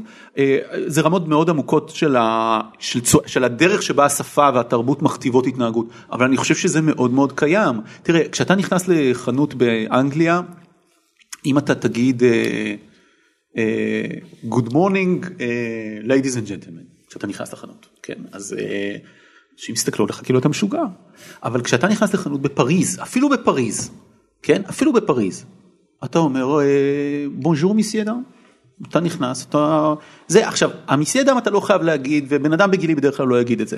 אבל אה, אמנון דנקנר, אה, השם ייקום דמו, אה, לימד אותי שאם אני אגיד בונז'ור מיסי דם, אז מיד היחס אליי ישתנה ככה. כן זה נכון. ו- ו- ועליה- וזה לא משנה עכשיו לפעמים אנשים מדברים איתי בצרפתית ואני לא מבין בכלל מה הם אומרים ואני אומר כן כן כן ואתה יודע אבל אני מבין אבל אתה קונה אותם באותו רגע עכשיו אתה תיכנס לחנות לחנות פרחים בלונדון אפילו באזור טוב בלונדון. אה, ואתה תגיד לה good morning my dear lady או משהו כזה היא באמת תחשוב שאתה התחרפנת התחרפנת זה על סף ההטרדה היא תתקשר עוד רגע למשטרה כאילו מה אתה רוצה לשלם זה זה דבר אה, שונה. אבל באמריקאית זה מאוד ככה. בוואלי אתה נכנס, הכל כל כך מנומס ועטוף צלופן. איפה? בצפון קליפורניה. בצפון קליפורניה. רק שם. אה, יכול- כן. שמע, אני- אתה נכנס וכל מקום. מעיק וגם מעיק. זה מאוד מעיק. מעיק. זה מאוד מעיק. אבל זה גם ריק. ובצרפת זה לא ריק. בגלל זה גם אנשים יכולים להיות מגעילים בצרפת, דרך אגב, בעיקר בפריז. הם יכולים להיות מגעילים וזה אמיתי, הם יכולים להיות נחמדים, אגב, כשהם נחמדים, כשצרפתי נחמד, הוא באמת נחמד. כשהוא מגעיל הוא באמת מגעיל. באמריקה אתה באמת לא יכול לדעת, זאת אומרת אתה לא יודע אם ה... באמת, אתה באמת לא יודע. הסיפור שאנחנו מספרים על זה, זה שיוסי ורדי תמיד אתה היה מכיר, אתה מארח מכיר פה. שאתה אתה עולה במעלית ויש שם במלון, כן. יש שם בלבוי וזה במעלית שלוחץ על הכפתור לוקח איזה מזוודה למישהו והוא אומר לך how are you today sir או משהו כזה ואתה אומר מה טיפ, כאילו תביא לי את הטיפ שלי. כן לא אני אני בעד לתת לך את הטיפ ואני אתן את זה ואני לא יודע אבל תגיד באמת אכפת לך כאילו. לפעמים אבל- כן. אה, אבל לפעמים כן היינו עכשיו אה, שבוע בעשרה ימים בניו יורק והכי התחברנו עם הצוות של המלון זה כל הדומיניקנים וזה כן. ממש יודע, ישבנו לשתות איתם ב- לפני שעזבנו שחיכינו אה. למלונית זה שעתיים וכי התחברנו אליהם הם נחמדים אבל זה גם זה מה שאתה חושב? אני חושב שהם היו ממש נחמדים אלינו כן אבל אני הרגשתי שהיה בונד. ונתתם גם טיפ כן לפני או אחרי? אני לא יודע אבל אני אגיד לך מה אבל זה היה גם אה, התחתנו שם אז זה היה כזה יותר אה, וואו, מזל כן, טוב. תודה רבה אבל זה היה מה ש- טובה. תודה רבה אבל זה היה אוקיי. מה ש... לא, זה משהו אחר. נכון זה הרגיש אחרת אבל רציתי להגיד לך על, על מה שאמרת שאירחנו פה אה, לא זוכר מי זה אני חושב שהחבר'ה של אה, מיוטיוב באיזה כנס פה כן. ובמסגרת כזה מה- זה עמותה שאנחנו עושים עם יוסי ורדי וכל מיני יזמים אה, עשו פיץ' ומישהי כזה נעמדה ונתנה את כל הפיץ' שלה ואז אה, ה- ה- הסמנכ"ל אמר מאוד מעניין אני צריך לחשוב על זה ואז יוסי כזה עם הקול הרועם שלו בעברית למי שלא הבין זה באמריקאית רעיון רע תמשיכי ללכת. אבל אתה יודע זה לא להגיד את. הישירות. אה, כן שזה נורא מעניין אה, זה לא אה, אתה יודע זה לא אמריקה יש כל מיני אמריקות. אבל זה אמריק- אמריקה אחרת נכון והאמריקה שאני אוהב זה תלוי גם באיזה דור אתה מדבר בוואלי יש דורות שאתה מדבר בוואלי הדורות שנניח הראשונים שנכנסו לתוך העולם. הסמיקונדקטורים של פעם. שישי לא אפילו שנכנסו לתוך עולם האינטרנט כבר כן אה, פגשתי איזה בחור כזה שיש לו מין שם אמריקאי כזה. קווין סמית. טובי כזה אתה יודע מין כזה גדל לתור מהנדס בכלל מהנדס מכונות שנכנס לתוך ביזנס שגוגל קנתה אה, באיזשהו שלב וזה האמריקאים שאני אוהב ואני מאוד אוהב את אמריקה ואני מאוד אוהב את האמריקנים אתה מכיר את האמריקנים האלה שהם סופרים את הסנטים שהם הולכים אה, לקנות. כן, הוורן באפטים האלה, בעיניי הם האנשים שבאמת בנו את אמריקה, לא הוואלי. והאנשים האלה שאומרים לך, לא, האמת שזה לא כך מעניין אותי, או הם אומרים לך, כן, אני רוצה לקנות. ו straightforward, בלי. קשקושים, בלי עניינים, אתה יודע, ישרים מאוד, כן? של לשקר, אתה יודע, אתה אומר להם וזה, הם לא, הם בכלל, או מישהו אומר משהו שהוא ביקורת, זאת אומרת, הוא לא אוהב משהו בארוחת צהריים. אתה אתה אוהב את הצבא האמריקאי בקיצור. אתה- אתה- זה- הסנטימנט, הסנטימנט שאתה מספר כן. שחסר והולך נעלם זה חלק מהדברים של will make America great again זה שמי שמייצג שמייצג את התנועה ונבחר הוא לא זה נכון. זה לא משנה אבל הוא הוא הוא tapped into זה בדיוק אבל, זה משהו שחסר אבל להרבה זה מאוד היה אנשים. משהו, תראה, זה, זה, זה קשור ללארג'יות גם. זאת אומרת, אותם אנשים שסופרים את הסנטים בסופרמרקט עם ה coupons, כשאתה נמצא באפר איסט סייד, והם הולכים לקנות עם, עם coupons מהעיתון, הם רוצים לחסוך לעצמם 20 סנט על ה baked beans, כן? באפר איסט, כל דירה עולה 3 מיליון דולר וצפונה, וזה, והם עושים את זה. מצד אחד, מצד שני, כשהם מחזיקים חנות שמוכרת סוודרים, או יש להם מניות במייסיס או משהו כזה, אז הם רוצים שבן אדם יוכל להיכנס לחנות עם הסוודר שהוא קנה במייסיס לפני שנתיים ולהגיד הנה תראו יש פה קרע זה לא היה צריך להיות and I want my money back כן, והם ה- יקבלו את המאני back אבל זאת אמריקה זה מה שאנחנו נקרא כשאנחנו הגענו בתור ילדים לאמריקה לא, מה שהדהים אותי זה, זה הריפיל. אוקיי כן. כאילו יש לך מילק סופר שייק סייזמי, כן. לא אבל שנותנים לך ריפיל אה נגמרה לך הקולה בוא ניתן לך עוד קולה. קפה, אתה יושב, אתה יושב בדיינר של פעם. קפה ואמריקה זה לא, אה, לא, לא, לא. אולי אתה לא- אוהב את זה, לא, אבל הוא מדבר על הריפי. כן, לא, ברור, מיד ברור. מישהי תבוא ותמזוג לך את זה. אבל איפה, לא. הלארג'יות הזאת היא לא הייתה קיימת באמת בשום מקום אחר בעולם. היא עדיין לא לפי דעתי. נבנתה, איפה, באיזה נכון. מקום, איזו תרבות יש לך שאתה יושב לאכול, אולי בחומוס ביפו, שישאל אותך בסוף, וגם זה כבר לא קורה, אתה רוצה שאני מעלה לך את הצלחת? אני לא, חושב, שזה... לא, מה, בעולם הערבי ופה גם בישראל שאנחנו מן הסתם מושפעים בזה, כל הזמן, כאילו גם אגב גם היוונים ובטברנות וכאלה, כל הזמן שמים לך את הסלטים, ממלאים לך את הסלטים וכאלה. אבל אתה משלם על זה, אני מכיר את יוון היטב. לא, בסדר, אתה, משל, אתה, לא, אתה לא משלם על הריפיל, אתה משלם באופן כללי, כמו שאתה משלם בארצות הברית באופן כללי. זה, זה לא, אה, אני לא יודע, לי תחושת הלארג'יות האמריקנית מרגישה שונה לגמרי, אה, אני לא תמיד מרגיש אותה. יש מקומות שגם אף פעם לא הרגישו אותה, זאת אומרת שאף פעם לא, כמה זה קשור לזה שזה אה, מהגרים? כי למשל, אה, אה, יש לי חבר אה, צרפתי שחי במדריד הרבה מאוד שנים והוא, והוא מכיר את, את העולם הספרדי בגלל שהוא מסקר אותו וכולי עבור, עבור צרפת והוא מספר שכאילו בברצלונה איפה שיש רוב קטלוני אה, בעיקר מסביב לברצלונה ואנשים שעובדים בברצלונה ושמנהלים את ברצלונה כן. וזה הוא אומר שהם מאוד לא פתוחים לאחרים כן. למרות שזאת כאילו כביכול עיר אני לא אוהב תיירותית את וזה. ברצלונה. אני אוהב גם אני לא-. גם אני לא אוהב את-. אני גם כן מאוד אוהב את מדריד עיר מדהימה. כן מדריד היא בסדר. שכולם ניסו לראות את גרדי שם בברצלונה, הם השאירו לנו את לא. גם אני מת גם על מדריד. האוכל, אה, דרך אגב, גם בספרד, האוכל. במדריד מדהים והאוכל בברצלונה לא טוב. בספרד ממלאים לך ואתה יוצא ב-11 יורו עם בטן כן. מלאה. ואז, ואז הוא, מדבר על מדריד שהוא אומר בגלל שמדריד הייתה מרכז של ספרד והגיעו מאנדלוסיה כן. ומכל המקומות כאילו גם יש המון בסקים ויש המון מהגרים כאילו מחוץ לספרד. אז מדריד הרבה יותר פתוחה ונעימה יכול לתייר כלומר אז ארצות הברית זאת מדינה שלמה לא כזאת חושב. נגיד חוץ מ... זה, זה, זה, זה תיאוריה טובה, היא נשמעת מעולה, לא חושב, אני אגיד לך למה. כי אני מרגיש אה, את התחושת לארג'יות הזאת ואת ההוגנות. שאגב הוגנות, פרנס זה אנגלו סקסיות, זאת אומרת את זה האמריקאים לקחו מתוך, כן, כן. מתוך העולם הבריטי הזה של אתה יודע אתה יכול לנצח ויכוח אתה יכול להפסיד ויכוח אבל אתה צריך להיות ב fair play וכך הלאה, אבל האמריקאים לקחו את זה משם, אני מרגיש את זה הכי עמוק כשאני נכנס לתוך mainland America, איפה שאין מהגרים. זה קשור לחברת שפע בעיניי. אחד הדברים שקרו באמריקה זה שאמריקה הפכה להיות חברה מאוד מאוד עשירה באיזשהו שלב במעבר להם. הכי עשירה בהיסטוריה של המין האנושי. והייתה איזושהי תחושה, בדיוק ראיתי את הסרט התיעודי על הבנייה של, של אה, מקדונלדס ומה קרה, איך זה קרה והייתה מין תחושה כזאת שאתה יודע יאללה עושים, זאת אומרת גם היה אשראי וזה מאוד קשור לזה והיו אנשים שהיה להם את החזון לתת את האשראי לכל הדבר הזה כדי לגדול, אבל הייתה, זו תחושת שפע שאתה עד היום מרגיש כשאתה הולך בניו יורק. ו, וזו תחושה שאומרת לך תתרחב. הכל בסדר, אני לא יודע, אני זוכר פעם ראשונה שהגעתי לוושינגטון, והייתה לי תחושה שהיא נבנתה, זאת אומרת הרגשתי שאני נכנס לתוך בירה של אימפריה, הרגשתי שזה נבנה כמו שצריך, שזה נבנה מהקרקע, שזה נבנה רחב מההתחלה, זו תחושה ש... נבנה על דם של אינדיאנים אבל בסדר כן. משהו אחר. לא, לא, לא, אני, אני לא, אני לא מאלה שעושים, זאת אומרת, אני מאוד אוהב את אמריקה, אבל אה, אני עדיין חושב, איך- היא אימפריה בעיניי, זאת אוקיי. אומרת, אני חושב שהיא אימפריה? טובה. כן? לא, יש על זה ויכוח מאוד גדול? והאמריקנים שונאים את זה, שונאים את זה, את המושג הזה, שונאים. איזה? מה, איזה מושג? אימפריה, אם אתה אומר אה, לאמריקנים שהם אימפריה, גם אם אתה אומר, לא, אבל זה אימפריה טובה. איך הם קמו? הם איך מקללים קמו? אותך. איך הם קמו? כן, התיקון הם לחוקה זה כדי להביא הם- למיליציות נשק להעיף את לא רק הטיירנס. זה, כל התרבות האמריקנית. הם נלחמו נגד המילה. אימפריה בכל אלמנט תרבותי אמריקני, גם במלחמת הקורבי, היא תמיד מילה רעה. יאללה, בוא, בוא נעבור לשאלות מהקהל כי נשארו, יש פה לא מעט ו...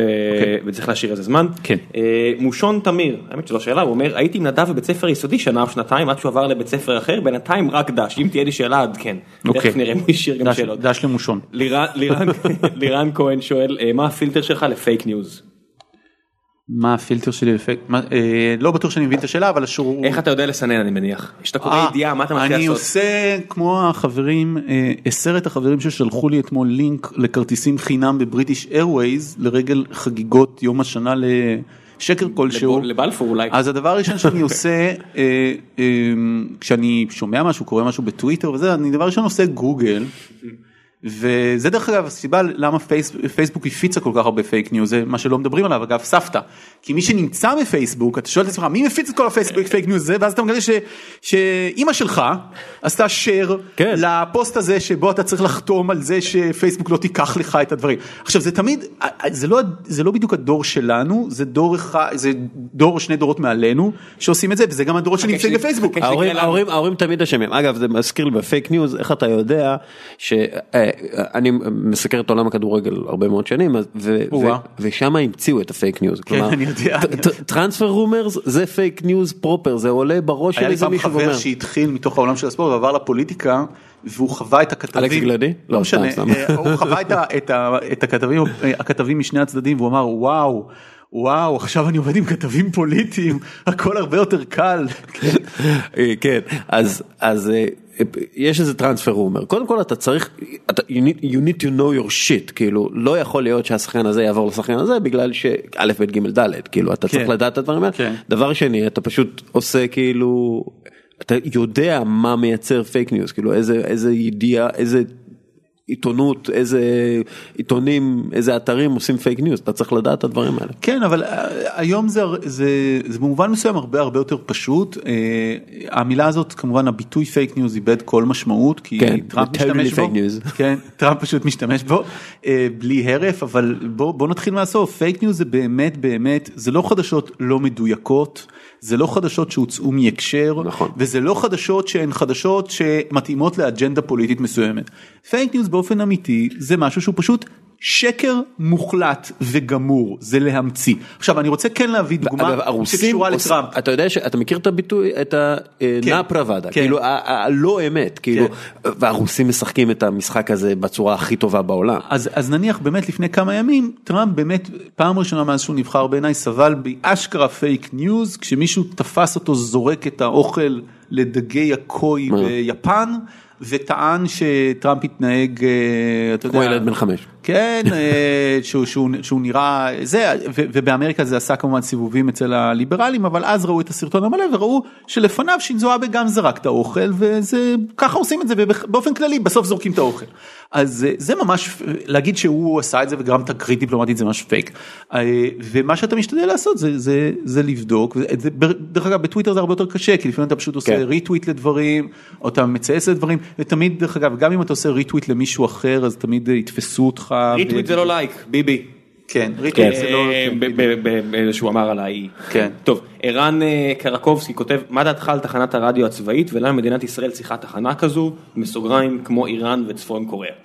יש לומר לא- שנדב עבד בגל"צ, אה, אה, תראה, בגל"צ. אני, אני חושב שזאת שאלה לחלוטין קבילה וטובה והתשובה שלי היא כזאת אני חושב שבמציאות טובה ואידיאלית אה, לא צריכה להתקיים אה, תחנת שידור צבאית אה, בכלל מציאות טובה ואידיאלית היא מציאות שבה יש שידור ציבורי חזק קיים ומגוון במדינת ישראל. שלא תלוי אני ב- חושב שהצבא, גופים מסחריים כאלה ואחרים. בדיוק, אני חושב שהצבא בישראל אה, עושה הרבה מאוד דברים שלא קשורים רק לצבא. ואם התרומה שלו, חינוך יש לו, כן. לדוגמה, אה, אבל הרבה דברים אחרים גם. אה, והפונקציה שלו בחברה הישראלית היא כזאת שמה שמפריע לי זה שתמיד אלה שאומרים למה גל"צ, למה גל"צ, כאילו יש פה כל כך הרבה אנומליות בחברה הישראלית. אתם מחפשים אנומליה? כן. בואו, אה, כמה, כמה מדינות בעולם אתם חושבים מממנות אה, לימודים דתיים על אה, תיכוניים? לאנשים שיעבדו ב, וילמדו בלימודים התיכוני, העל תיכוניים הדתיים האלה כל החיים, עד שהם ימותו לצורך העניין. אה, זאת אנומליה, היא עולה המון כסף. אה, גל"צ היא יחידה מרוויחה בתוך צה"ל. אה, שמשרתת בעיניי מטרה מאוד חשובה והיא אה, שיפור השיח, הדמוקרטיה הישראלית וכאלה. מרגע שיחליטו שצה"ל הוא באמת צבא רזה, שלא מתעסק במטרות חברתיות בכלל, דבר שאני לא ממליץ לעשות דרך אגב, אני חושב שצה"ל הוא מאוד חשוב. זה חלק, זה חלק מה- מהמרקם החברתי בישראל. אני חושב שזה לא רק חלק, אני חושב שזה אחת הרקמות כן, האחרונות של כן. המרקם החברתי בישראל. כן.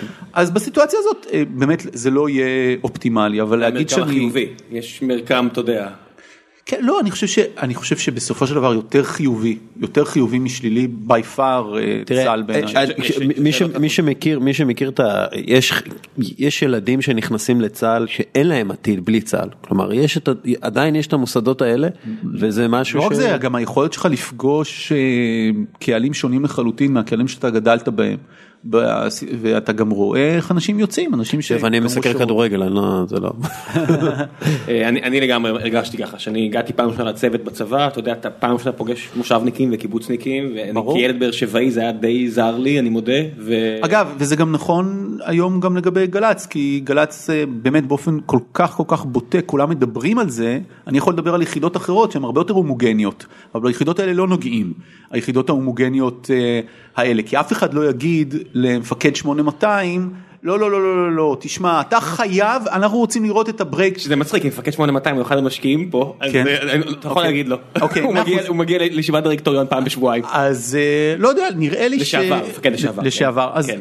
נראה לי שלא זה, אבל בגל"צ, בגלל שזה רק רדיו, אז בפירוש אמרו, וכתוצאה מזה, ואני אומר שזה דבר ברוך מאוד, התחנה היום באופן מאוד מאוד מאוד מודע, ואפשר לשמוע פשוט את השמות ברדיו, היא, אני גם מכיר מאיפה, אני הדרכתי בקורס של התחנה, אני רואה מאיפה. שיבל היה פה. שיבל היה פה כבר, אוקיי, שיבל. היה פה כבר לפניך, אין אה, אין דוגמה מובהקת. ל- ש- שאותות לשיבל. כן, אה, שאלה נוספת. תמיר מאירי רושם, אה, הסדרה לגוסלביה הייתה מרתקת, מה אתה חושב שאפשר לעשות כדי למנוע את כל הטעויות שהם עשו כמדינה רב-לאומית? על מנת שלא נגיע לאותו אסון פה, אני אומר כאילו כל הטעויות אפשר לחשוב שזה לא איזה תעשה עם לוק, תעשה ממש כן, קצר. תהליך שלא קרה לאורך אלף שנים פחות או יותר לא, יוגוסלביה.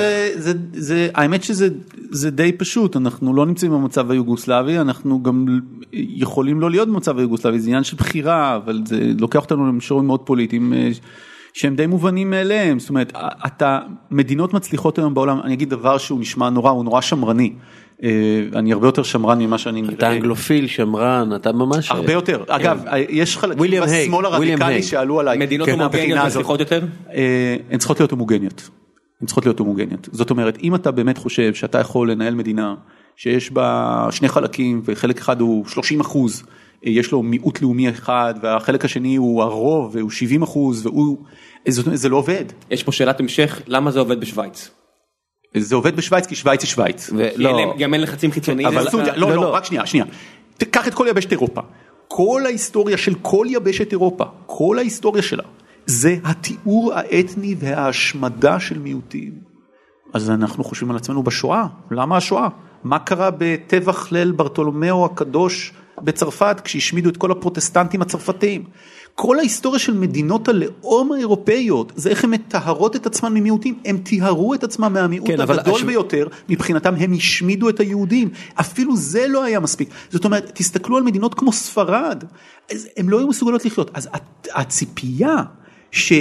ודוגמה אחת נדירה שזה הצליח זה מדינה קטנטנה עם מודל ייחודי נורא עשירה שנקראת בלגיה אפילו אבל אפילו. בלגיה אבל אפילו הבלגים רבים אחד כן, אז אבל- הציפייה שזה יצליח ביוגוסלביה או שזה יצליח במזרח התיכון היא ציפייה מחפירה אנחנו מצפים במצבים הרבה יותר קשים ממשהו שהאירופאים גם היום תכף- לא נכנס עובד לא יעשו את שלנו. שמגיע פעם ראשונה למשרד הוא מקדוניה.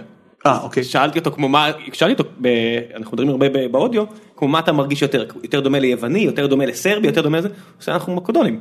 אה, כן. זה, זה מי שאנחנו, כן. אנחנו קצת סרבים, אנחנו קצת יוונים, אבל אנחנו מקדונים בסופו של דבר. אגב, אני חושב ששוויץ, שגרתי שם אה, כמה שנים, שוויץ מאוד ייחודית במובן הזה שהיא הקנטונים, השיטת קנטונים שם. אה, ולכל אחד יש את הגאווה הלאומית שלו ו- וגם את השפה שלו, שאגב כן. זה מאוד מסודר, יש, כן. הצרפתים הם שם, הגרמנים הם פה, האיטלקים הם שם, הרומן שם שם, כן. כלומר הכל מאוד מסודר שם, אני חושב שסדר, אה, והשוויצרים מאוד טובים בכל מה שקשור לסדר.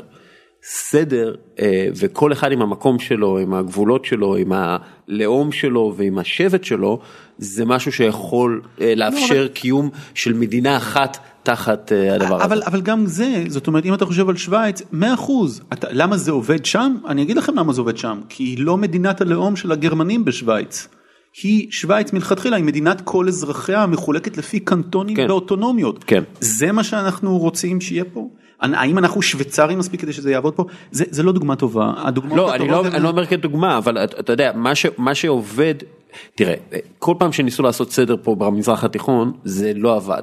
אבל מה, אני לא אומר, אני דווקא אומר, כשיש לך את ה... כשאתה חי בקהילה שלך ובשבט שלך ויש סדר שמגן עליך, ששומר על החופש שלך, ש... שנותן לך את האוטונומיה שלך, אז אתה, אתה, אתה בסדר, אתה לא תצא למלחמות. אתה לא תצא למלחמות, כי, כי טוב לך. בתוך המקום שלך. ואני אומר שבסופו של דבר ומה עם גרמניה אה, זאת אומרת לא, לא, לא מה זאת אומרת מה עם גרמניה.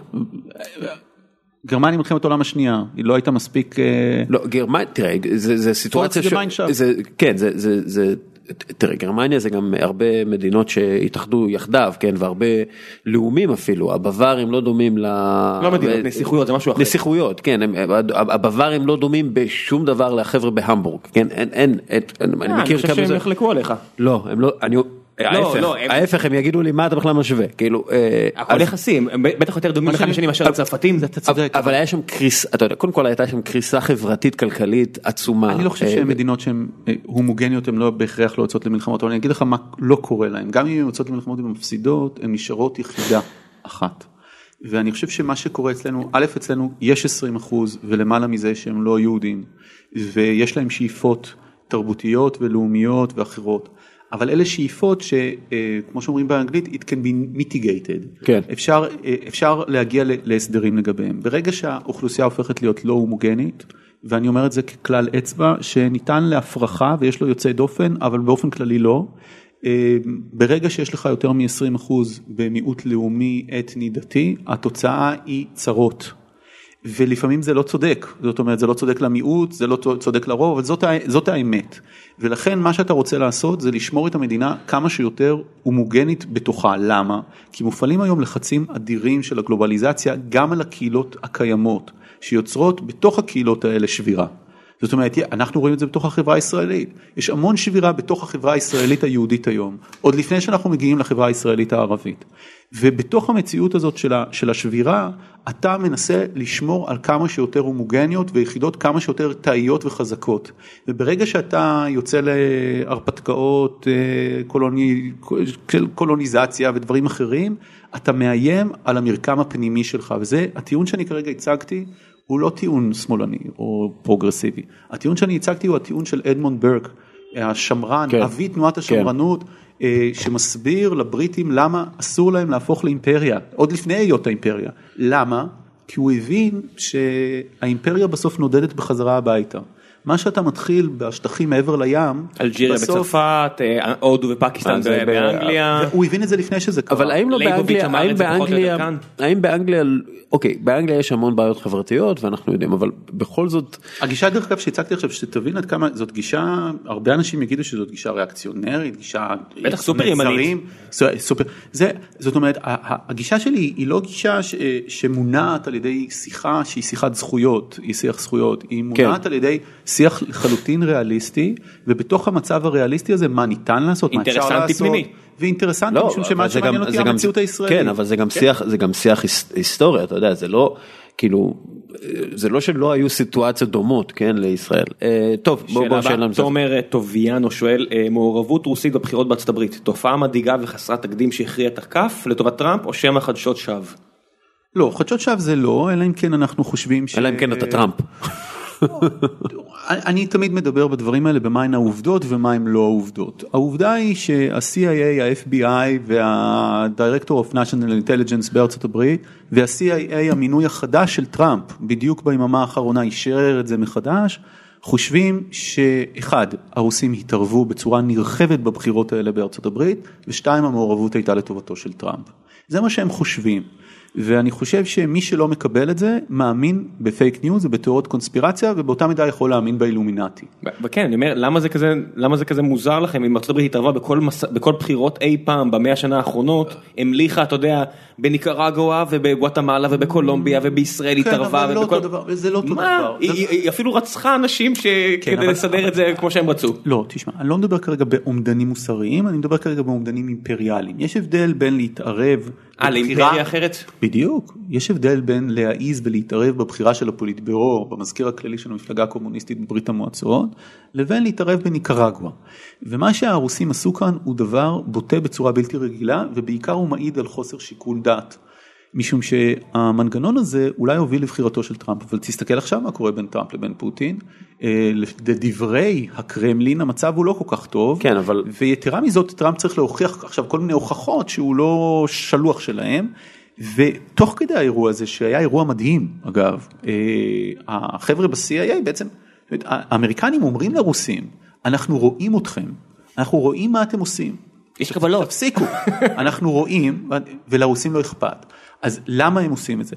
אז האם זה הכריע את הבחירות? שזאת הייתה השאלה של השואל האם זה הכריע את הבחירות? אני לא יודע. אתה לא יודע מה הכריע את הבחירות. אנחנו יודעים לדוגמה את מה שפייסבוק אומרת לנו שאנשים שצרכו news מ Facebook בשבועיים לפני הבחירות עשרות אחוזים, אני זוכר נכון המספר הוא 50 אחוז מה news שהם צרכו בלינקים בפייסבוק היו fake news, אבל באמת פייק, לא fake news זאת אומרת לא אז מדויק. אני אתמול כתבתי על זה, כי אני אומר, כאחד שבאמת צורך המון תוכן אמריקאי, מה New Yorker שהחליט שברני זה האיום הכי גדול על השלטון ועשה הכל כדי שהילרי תיבחר, כן. ועד Fox News, זה לא היה כל כך רחוק מהמציאות אבל תמשיך כן. מה לא כזה רחוק במציאות? שברני הוא האיום הכי גדול על השלטון תמשיך. לא, כן. אבל זה הדעה של ה New Yorker, אני לא, אני לא, הם אמרו את זה פחות או כן. יותר במילים האלה, שזה יכול להרוס yada yada yada, ועד ל Fox News שהחליטו שאסור שהילרי תיבחר ועשו הכל, אני אומר, מה מיוחד ברוסים מהבחינה הזאת שכל גוף תקשורת בתוך ארצות הברית הפיץ כמויות עצומות של בבלת, אה, כי זה מדינה אחרת? זה נכון אבל גם הם עשו את זה בצורה חכמה לדוגמה אה, כל העניין הזה של אה, voters repression שזה היה התפיסה של טראמפ זאת אומרת כשטראמפ בא ואומר לקהילה השחורה בארצות הברית המצב שלכם הוא כל כך רע. המ- המטרה שלו והיא הצליחה היא שידברו על כמה המצב טוב או רע אחרי שמונה שנים של אובמה ושאנשים כמו שאנשים שאמרו לי בטראמפלנד אם אחרי שמונה שנים של אובמה זה המצב ואנחנו אהבנו את אובמה ואנחנו עדיין אוהבים אותו. אז בטוח שכפי שהיא אמרה לי אותה אישה השחורה that Hillary person that Hillary person she's not gonna אתה מבין ההילרי פרסון זה זה שתי המילים שאנשים לא יודעים את זה זה- לדעתי זה סיפור מעניין אני אספר אותו אמ, אני יצאתי לשתי סדרות בארצות הברית אני לא ידעתי אם טראמפ ינצח או לא ינצח אבל אתם יודעים זה טלוויזיה אז אמרנו רק שנייה ברור שהילרי מנצחת לפי כל זה הסקרים. מתחבר לשאלה הבאה. כן. אוקיי, ברור שהילרי מנצחת לפי כל הסקרים, אבל זה לא כל כך מעניין, אז בוא נניח הנחה אחרת. ואמרתי בוא נניח שטראמפ מנצח. נהפוך את זה. בוא נניח שהוא מנצח ואז נשאל את עצמנו אם הוא מנצח איך הוא ניצח. ואז ניסע לכל המקומות האלה. impossible as it may be, אתם יודעים כמו שרלוק הולמס, האפשרות האחרונה שנותרת, ולכן נסענו למקום כמו פנסילבניה, שזה באמת, לא נסעתי ל... פלורידה, נסעתי לפנסילבניה, כי אמרתי זה לא מספיק שהוא ייקח את פלורידה, הוא צריך לקחת את פנסילבניה. שעה מניו יורק. ולמישיגן ולמקומות שאתה הבלו וול אתה לא, לא אמור היה לנצח שם. ואז אה, שידרנו את טראמפלנד וכולם אמרו איזה יופי וזה אה, אה, אבל זה לא יקרה והרבה אנשים כתבו לי בטוויטר אתה עושה את זה בשביל הרייטינג אתה מפחיד בשביל הרייטינג אתה מכרת את הנשמה שלך אתה יודע שהיא גומרת על 800 אלקטורים או משהו. כן, אני בט- אני בטוח שלנסוע לפנסילבניה ולראיין אנשים שם ב- זה רייטינג, זה ב- רייטינג. בערים כן וזה וזה ואתה מנסה למכור לנו את טראמפ כל הזמן וזה אגב התמונות הראי שלהם יגידו לי אחרי שלמה לא אמרנו שטראמפ אה, הולך לנצח ואז נסענו עוד פעם. שבוע לפני הבחירות ואמרנו עשינו טראמפלנד עכשיו נעשה הילרי לנד. כי מה אנחנו מפגרים אנחנו נהמר רק על טראמפ? אז נסענו לאן נסענו? נסענו לכל המקומות של הילרי. איזה יופי. נסעתי לאן ארבור אוקיי? במישיגן שזה המקום הכי ליברלי פחות או יותר בארצות הברית. ונסעתי נס, אה, אה, נסעתי לכל המקומות וחזרתי חזרה נסעתי לאוהיו כן? שאולי תנצח אולי לא וזה. וחזרתי הביתה ואמרתי שיט. זאת אומרת הייתי באן ארבור היה שם חוג בית להילרי ישבו שם תשע נשים מאוד מאוד מאוד אה, מכובדות. מה זה חוג בית להילרי? מי מי הייתה מטעם הילרי?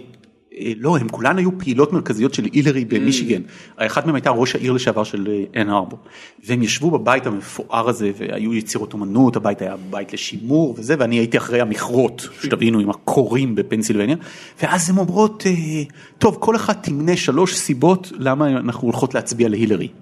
וכשהם הגיעו לאישה השנייה היא נתקעה כי לא הגיעה לסיבה מספר 6. והיה לוח כזה ואז אמרתי תגידו אני יכול לשאול אתכם שאלה אני אפריע לכם שנייה כי הייתי fly on the wall כאילו רק צילמתי. אה, תגידו מי כאן הצביע עבור ברני סנדרס בפריימריז והם כולם הרימו את היד.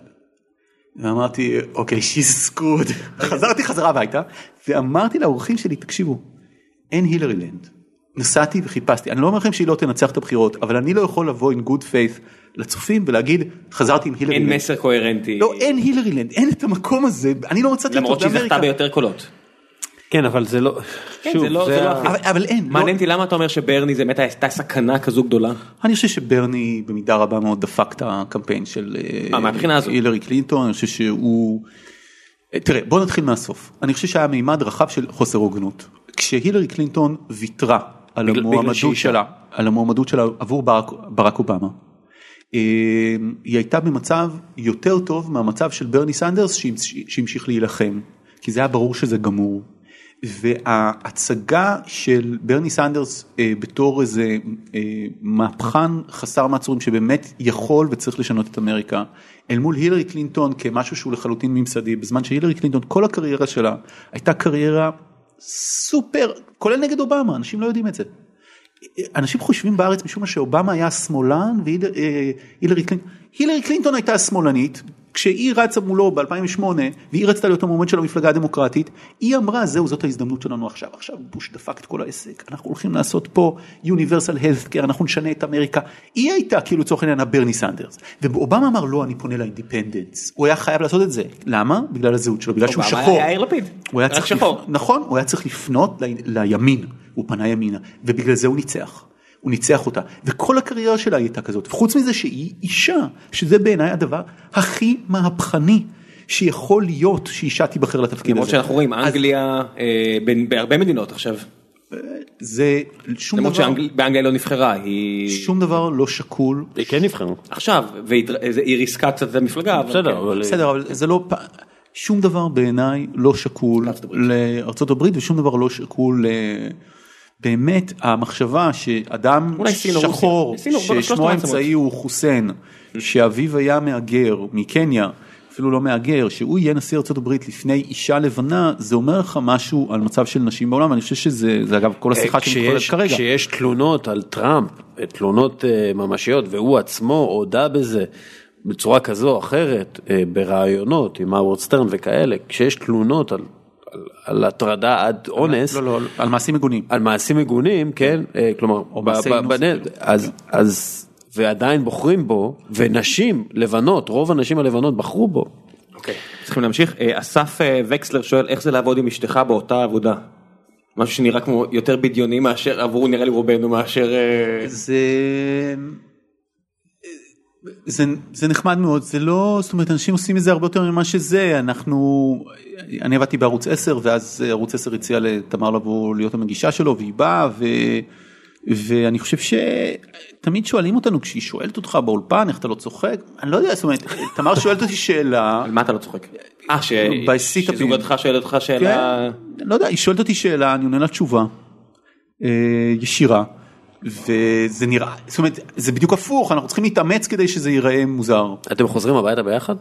לא, כי רוב הזמן היא צריכה לסיים את המהדורה, אם אני עושה setup, אז היא צריכה, ה setup יהיה בשמונה ועשרה, והיא והיא צריכה להיות שם בתשע, היא גם מגיעה יותר מוקדם, הרבה יותר מוקדם ממני, אה, כי היא צריכה לעבוד על, ה, על המהדורה, זו עבודה הרבה הרבה הרבה יותר קשה ממה שהיא נראית. כן. אז אה, לא, התשובה היא לא. אבל יש לכם זמן ביחד בכלל? כאילו, כן, כן. כן. אה, יש לנו חלק מהבקרים ויש לנו, כן. לא אנחנו- מספיק, אף פעם לא מספיק. אבל כן זה זה ה... אתה יודע. כן. זה הבאסה של לא חיים אה, מודרניים. אה, אני מצטער. יש לי חברים הייטקיסטים, אני אין לי על מה, אני עיתונאי, אין לי על מה לקרוא. ואני חייב להגיד לך שאני אומר לאשתי את לא מבינה איך החברים שאני מכיר שהם רופאים או עורכי דין כמה הם עובדים אני תמיד אומר הייטקיסטים כן. הרבה אנשים עובדים הרבה זה לא. לא, לא, אנשים עובדים נורא נורא קשה, אני לא חושב ש... עובדים קשה הרבה אני עושה את ההפרדה הזאת של. נכון, אה, נכון, הם מבלים הרבה יותר מדי אה, זמן. זה, זה כן, מבלים הרבה זמן במשרד, זה לא בהכרח נכון. לעבוד קשה, אנחנו לא קורא פחם, בוא נוריד את ה... בדיוק, בדיוק. אתה, לא- זה לא החבר'ה שביקרת פנסילבניה שנושמים אה, לא. פחם לריאות ומתים בגיל 60, לא. זה, זה... לא. אנחנו צריכים להפסיק להתמסכן גם כל, נכון, כל היום נכון, כישראלים, כן. זה, הספורט הלאומי. לא, לא, אבל גם אנחנו יודעים לפי הנתונים, הנתונים הם מאוד פשוטים, ישראלים נמצאים המון שעות בעבודה, כן. אבל- והיעילות שלהם היא לא טובה. והתחבורה פה גרועה, אז גם שעה לכל כיוון אתה נוסע. לא, אבל גם היעילות שלהם היא גרועה, אני אומר את זה גם על עצמי, כי הם הולכים, הם מדברים, שותים לא קפה, עליך. כאילו כל אחד אה, הולך לצוות, חברת. ההייטק זה תמיד אה, טוב, אה, ההוא הולך לצוות הזה, וזה בא לשאול אותו שאלה, וזה, ואף אחד לא... זה נושא פתוח שהוא זה אתגר מאוד גדול להפיק יותר מעצמך ומהצוות. אגב החברים שלי שאני מכיר שבעולם בעולמות שלכם שבאמת שזה מצליח זה אנשים שאומרים לא אוקיי בעבודה באים כותבים קוד בעבודה, זה מה שעושים בעבודה. אז- צריך למצוא את המתח הנכון שבאמת זה לא יהיה יותר מדי אה, משעמם. זה אתגר, אתה יודע, זה אתגר, זה זה תחום של קצת דיבות, מצטער למי ששומע את זה ו- ונעלב. מי בהייטק דיבות? בטח. אחי אנחנו בתקשורת על מה אתה מדבר כאילו? סמוך עליי, סמוך עליי, אתה לא מבין. בסוף הדיבות שלהם, הדיבות שלהם, זאת אומרת יש מעגל, הם מרוויחים מיליונים. אוקיי, היה פה איזה קטיעה קטנה של הסאונד, אבל נמשיך מפה. אז אה, רק שאלה, אה, נעבור לשאלה האחרונה, מצטער על השאלות שפספסנו. מישהו פה שאל, אה, מצטער פספסתי כבר את השם שלו, כי כבר שאלנו את זה, על המוזיקה לטראמפלנד, הוא החמיא לך ושאל מי ערך את המוזיקה. אני. ואז אני ואז אני כן. איזה שחזור נורא. אה, אה, איך כאילו מה נסעת ברדיו שמעת את המוזיקה הזאת איך זה כאילו נסעת נסעת ברדיו נסעת במכונית ושמעת ברדיו בארצות הברית לא, זה קרה עם שיר אחד, וזה היה הביצוע של ה-Sound of Silence. כן, של ביצוע? מצוין. של, נו, אה, רוק כבד. כן, כן, כן, כזה, אני- שלא אני- ביצע אותו כרוק כבד, אבל לא משנה, תכף אני אזכר. צריך לשים את הלינק, אז אתה אומר זה לא סאונד הסייננס של אה, לא, סייננס חס- וגרפון? לא, לא, לא, לא, אני לא הייתי עושה את זה. זה קצת- קצת, אה, לא, Disturbed. של דיסטרב. כן. כן, אז שזה היה גם להיט מטורף, ונסענו באוטו, אני ו... והצלם דודו ושמענו את השיר וזה היה ממש בפנסילבניה זאת אומרת זה היה באזור של המכרות ושמענו את השיר ואמרתי וואו. כן. אה, ואז הוא אמר אה, אולי זה קצת מוגזם. ואני אמרתי אולי זה קצת מוגזם. ושכחנו מזה ואז השתמשנו בזה. ואגב אחרי שהשתמשנו בשיר בטראמפלנד הוא הפציע פה בפרסומות הוא נכנס פה זאת אומרת כן, הייתה זה לזה השפעה זה נכנס לפלייליסט. זה ביצועי מצמרר בהרבה מובנים. כן, אבל. אני חושב אתה ש... כמו קוטנר עם creep. מה כן אבל אני, אני תראו זה, זה מאוד זה מאוד חמוד אה, לערוך מוזיקה לסדרה על אמריקה כמו טראמפלנד על אמריקה השבורה כי זה הנושא שהמוזיקה האמריקנית עוסקת בו מחצית השנה של המאה ה-20 הרבה יותר קשה היה לי לערוך מוזיקלית את המוזיקה וגם שם עשיתי את זה לסדרה ביוגוסלביה כן.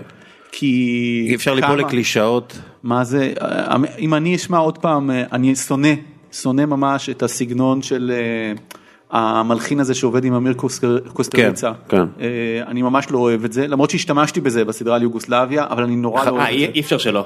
כן הוא אבל אני לא מסוגל. אתה אומרת, אתה יודע מי מי עושה מוזיקה קרואטית אה, אה, וואה. מיוחדת לחלוטין? אה, רבת את קוסטריצה עם קרואטים.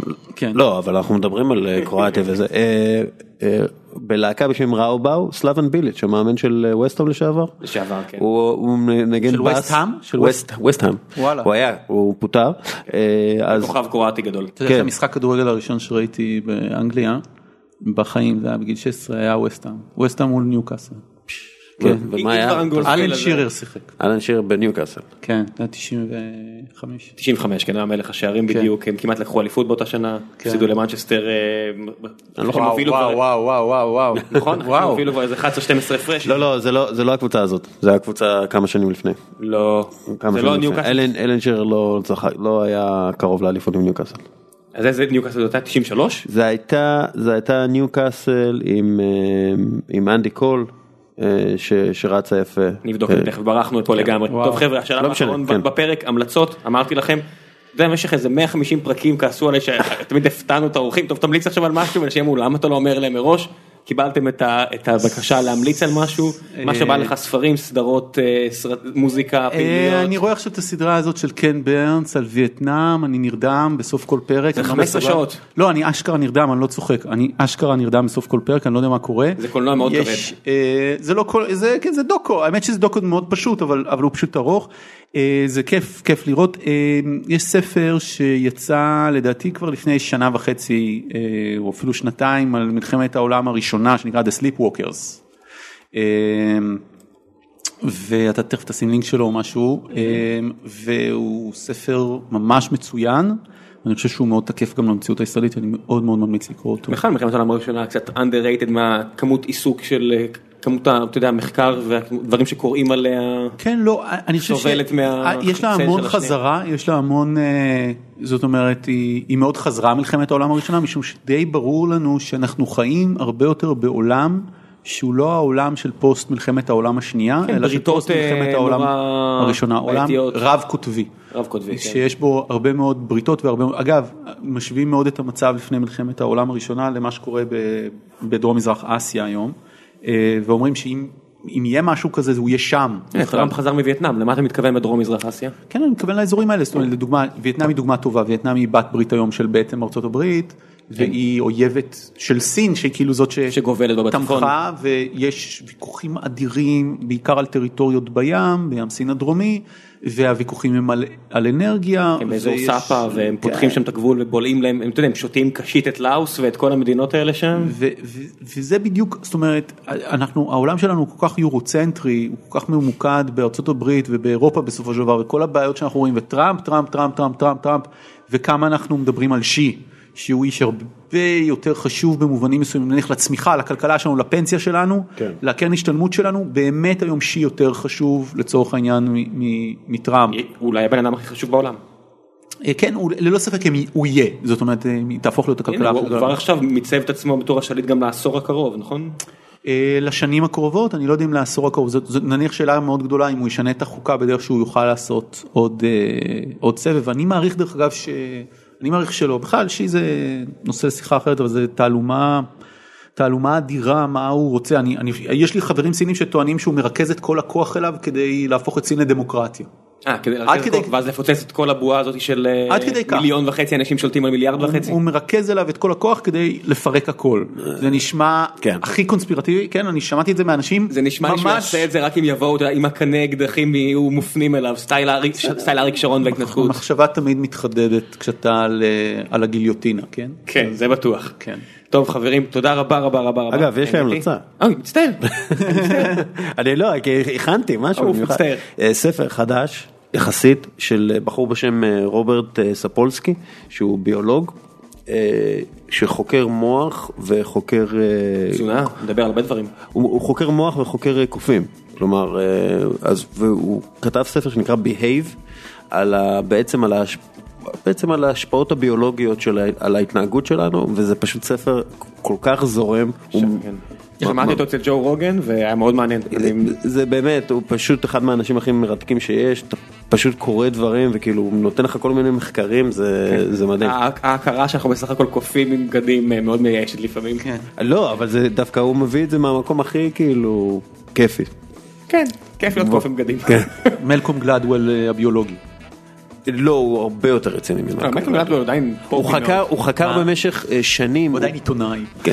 הוא חקר במשך שנים, הוא היה נוסע, אה, ספולסקי נסע לקניה נראה לי, והוא חקר במשך שנים להקת קופים בבונים, וראה את השינויים התרבותיים שקורים אצלהם בגלל אה, שהם מתו, הזכרים שם מתו מהרעלת קיבה או משהו כזה, כן. והוא חקר מה זה עשה לחברה, והוא הגיע עם כמה... דברים יפים מאוד על האנושות, כאילו שהוא גילה שם. אמ, מומלץ. אוקיי. Behave. אוקיי חבר'ה, תודה רבה רבה, ניפגש בשבוע הבא. תודה רבה. תודה.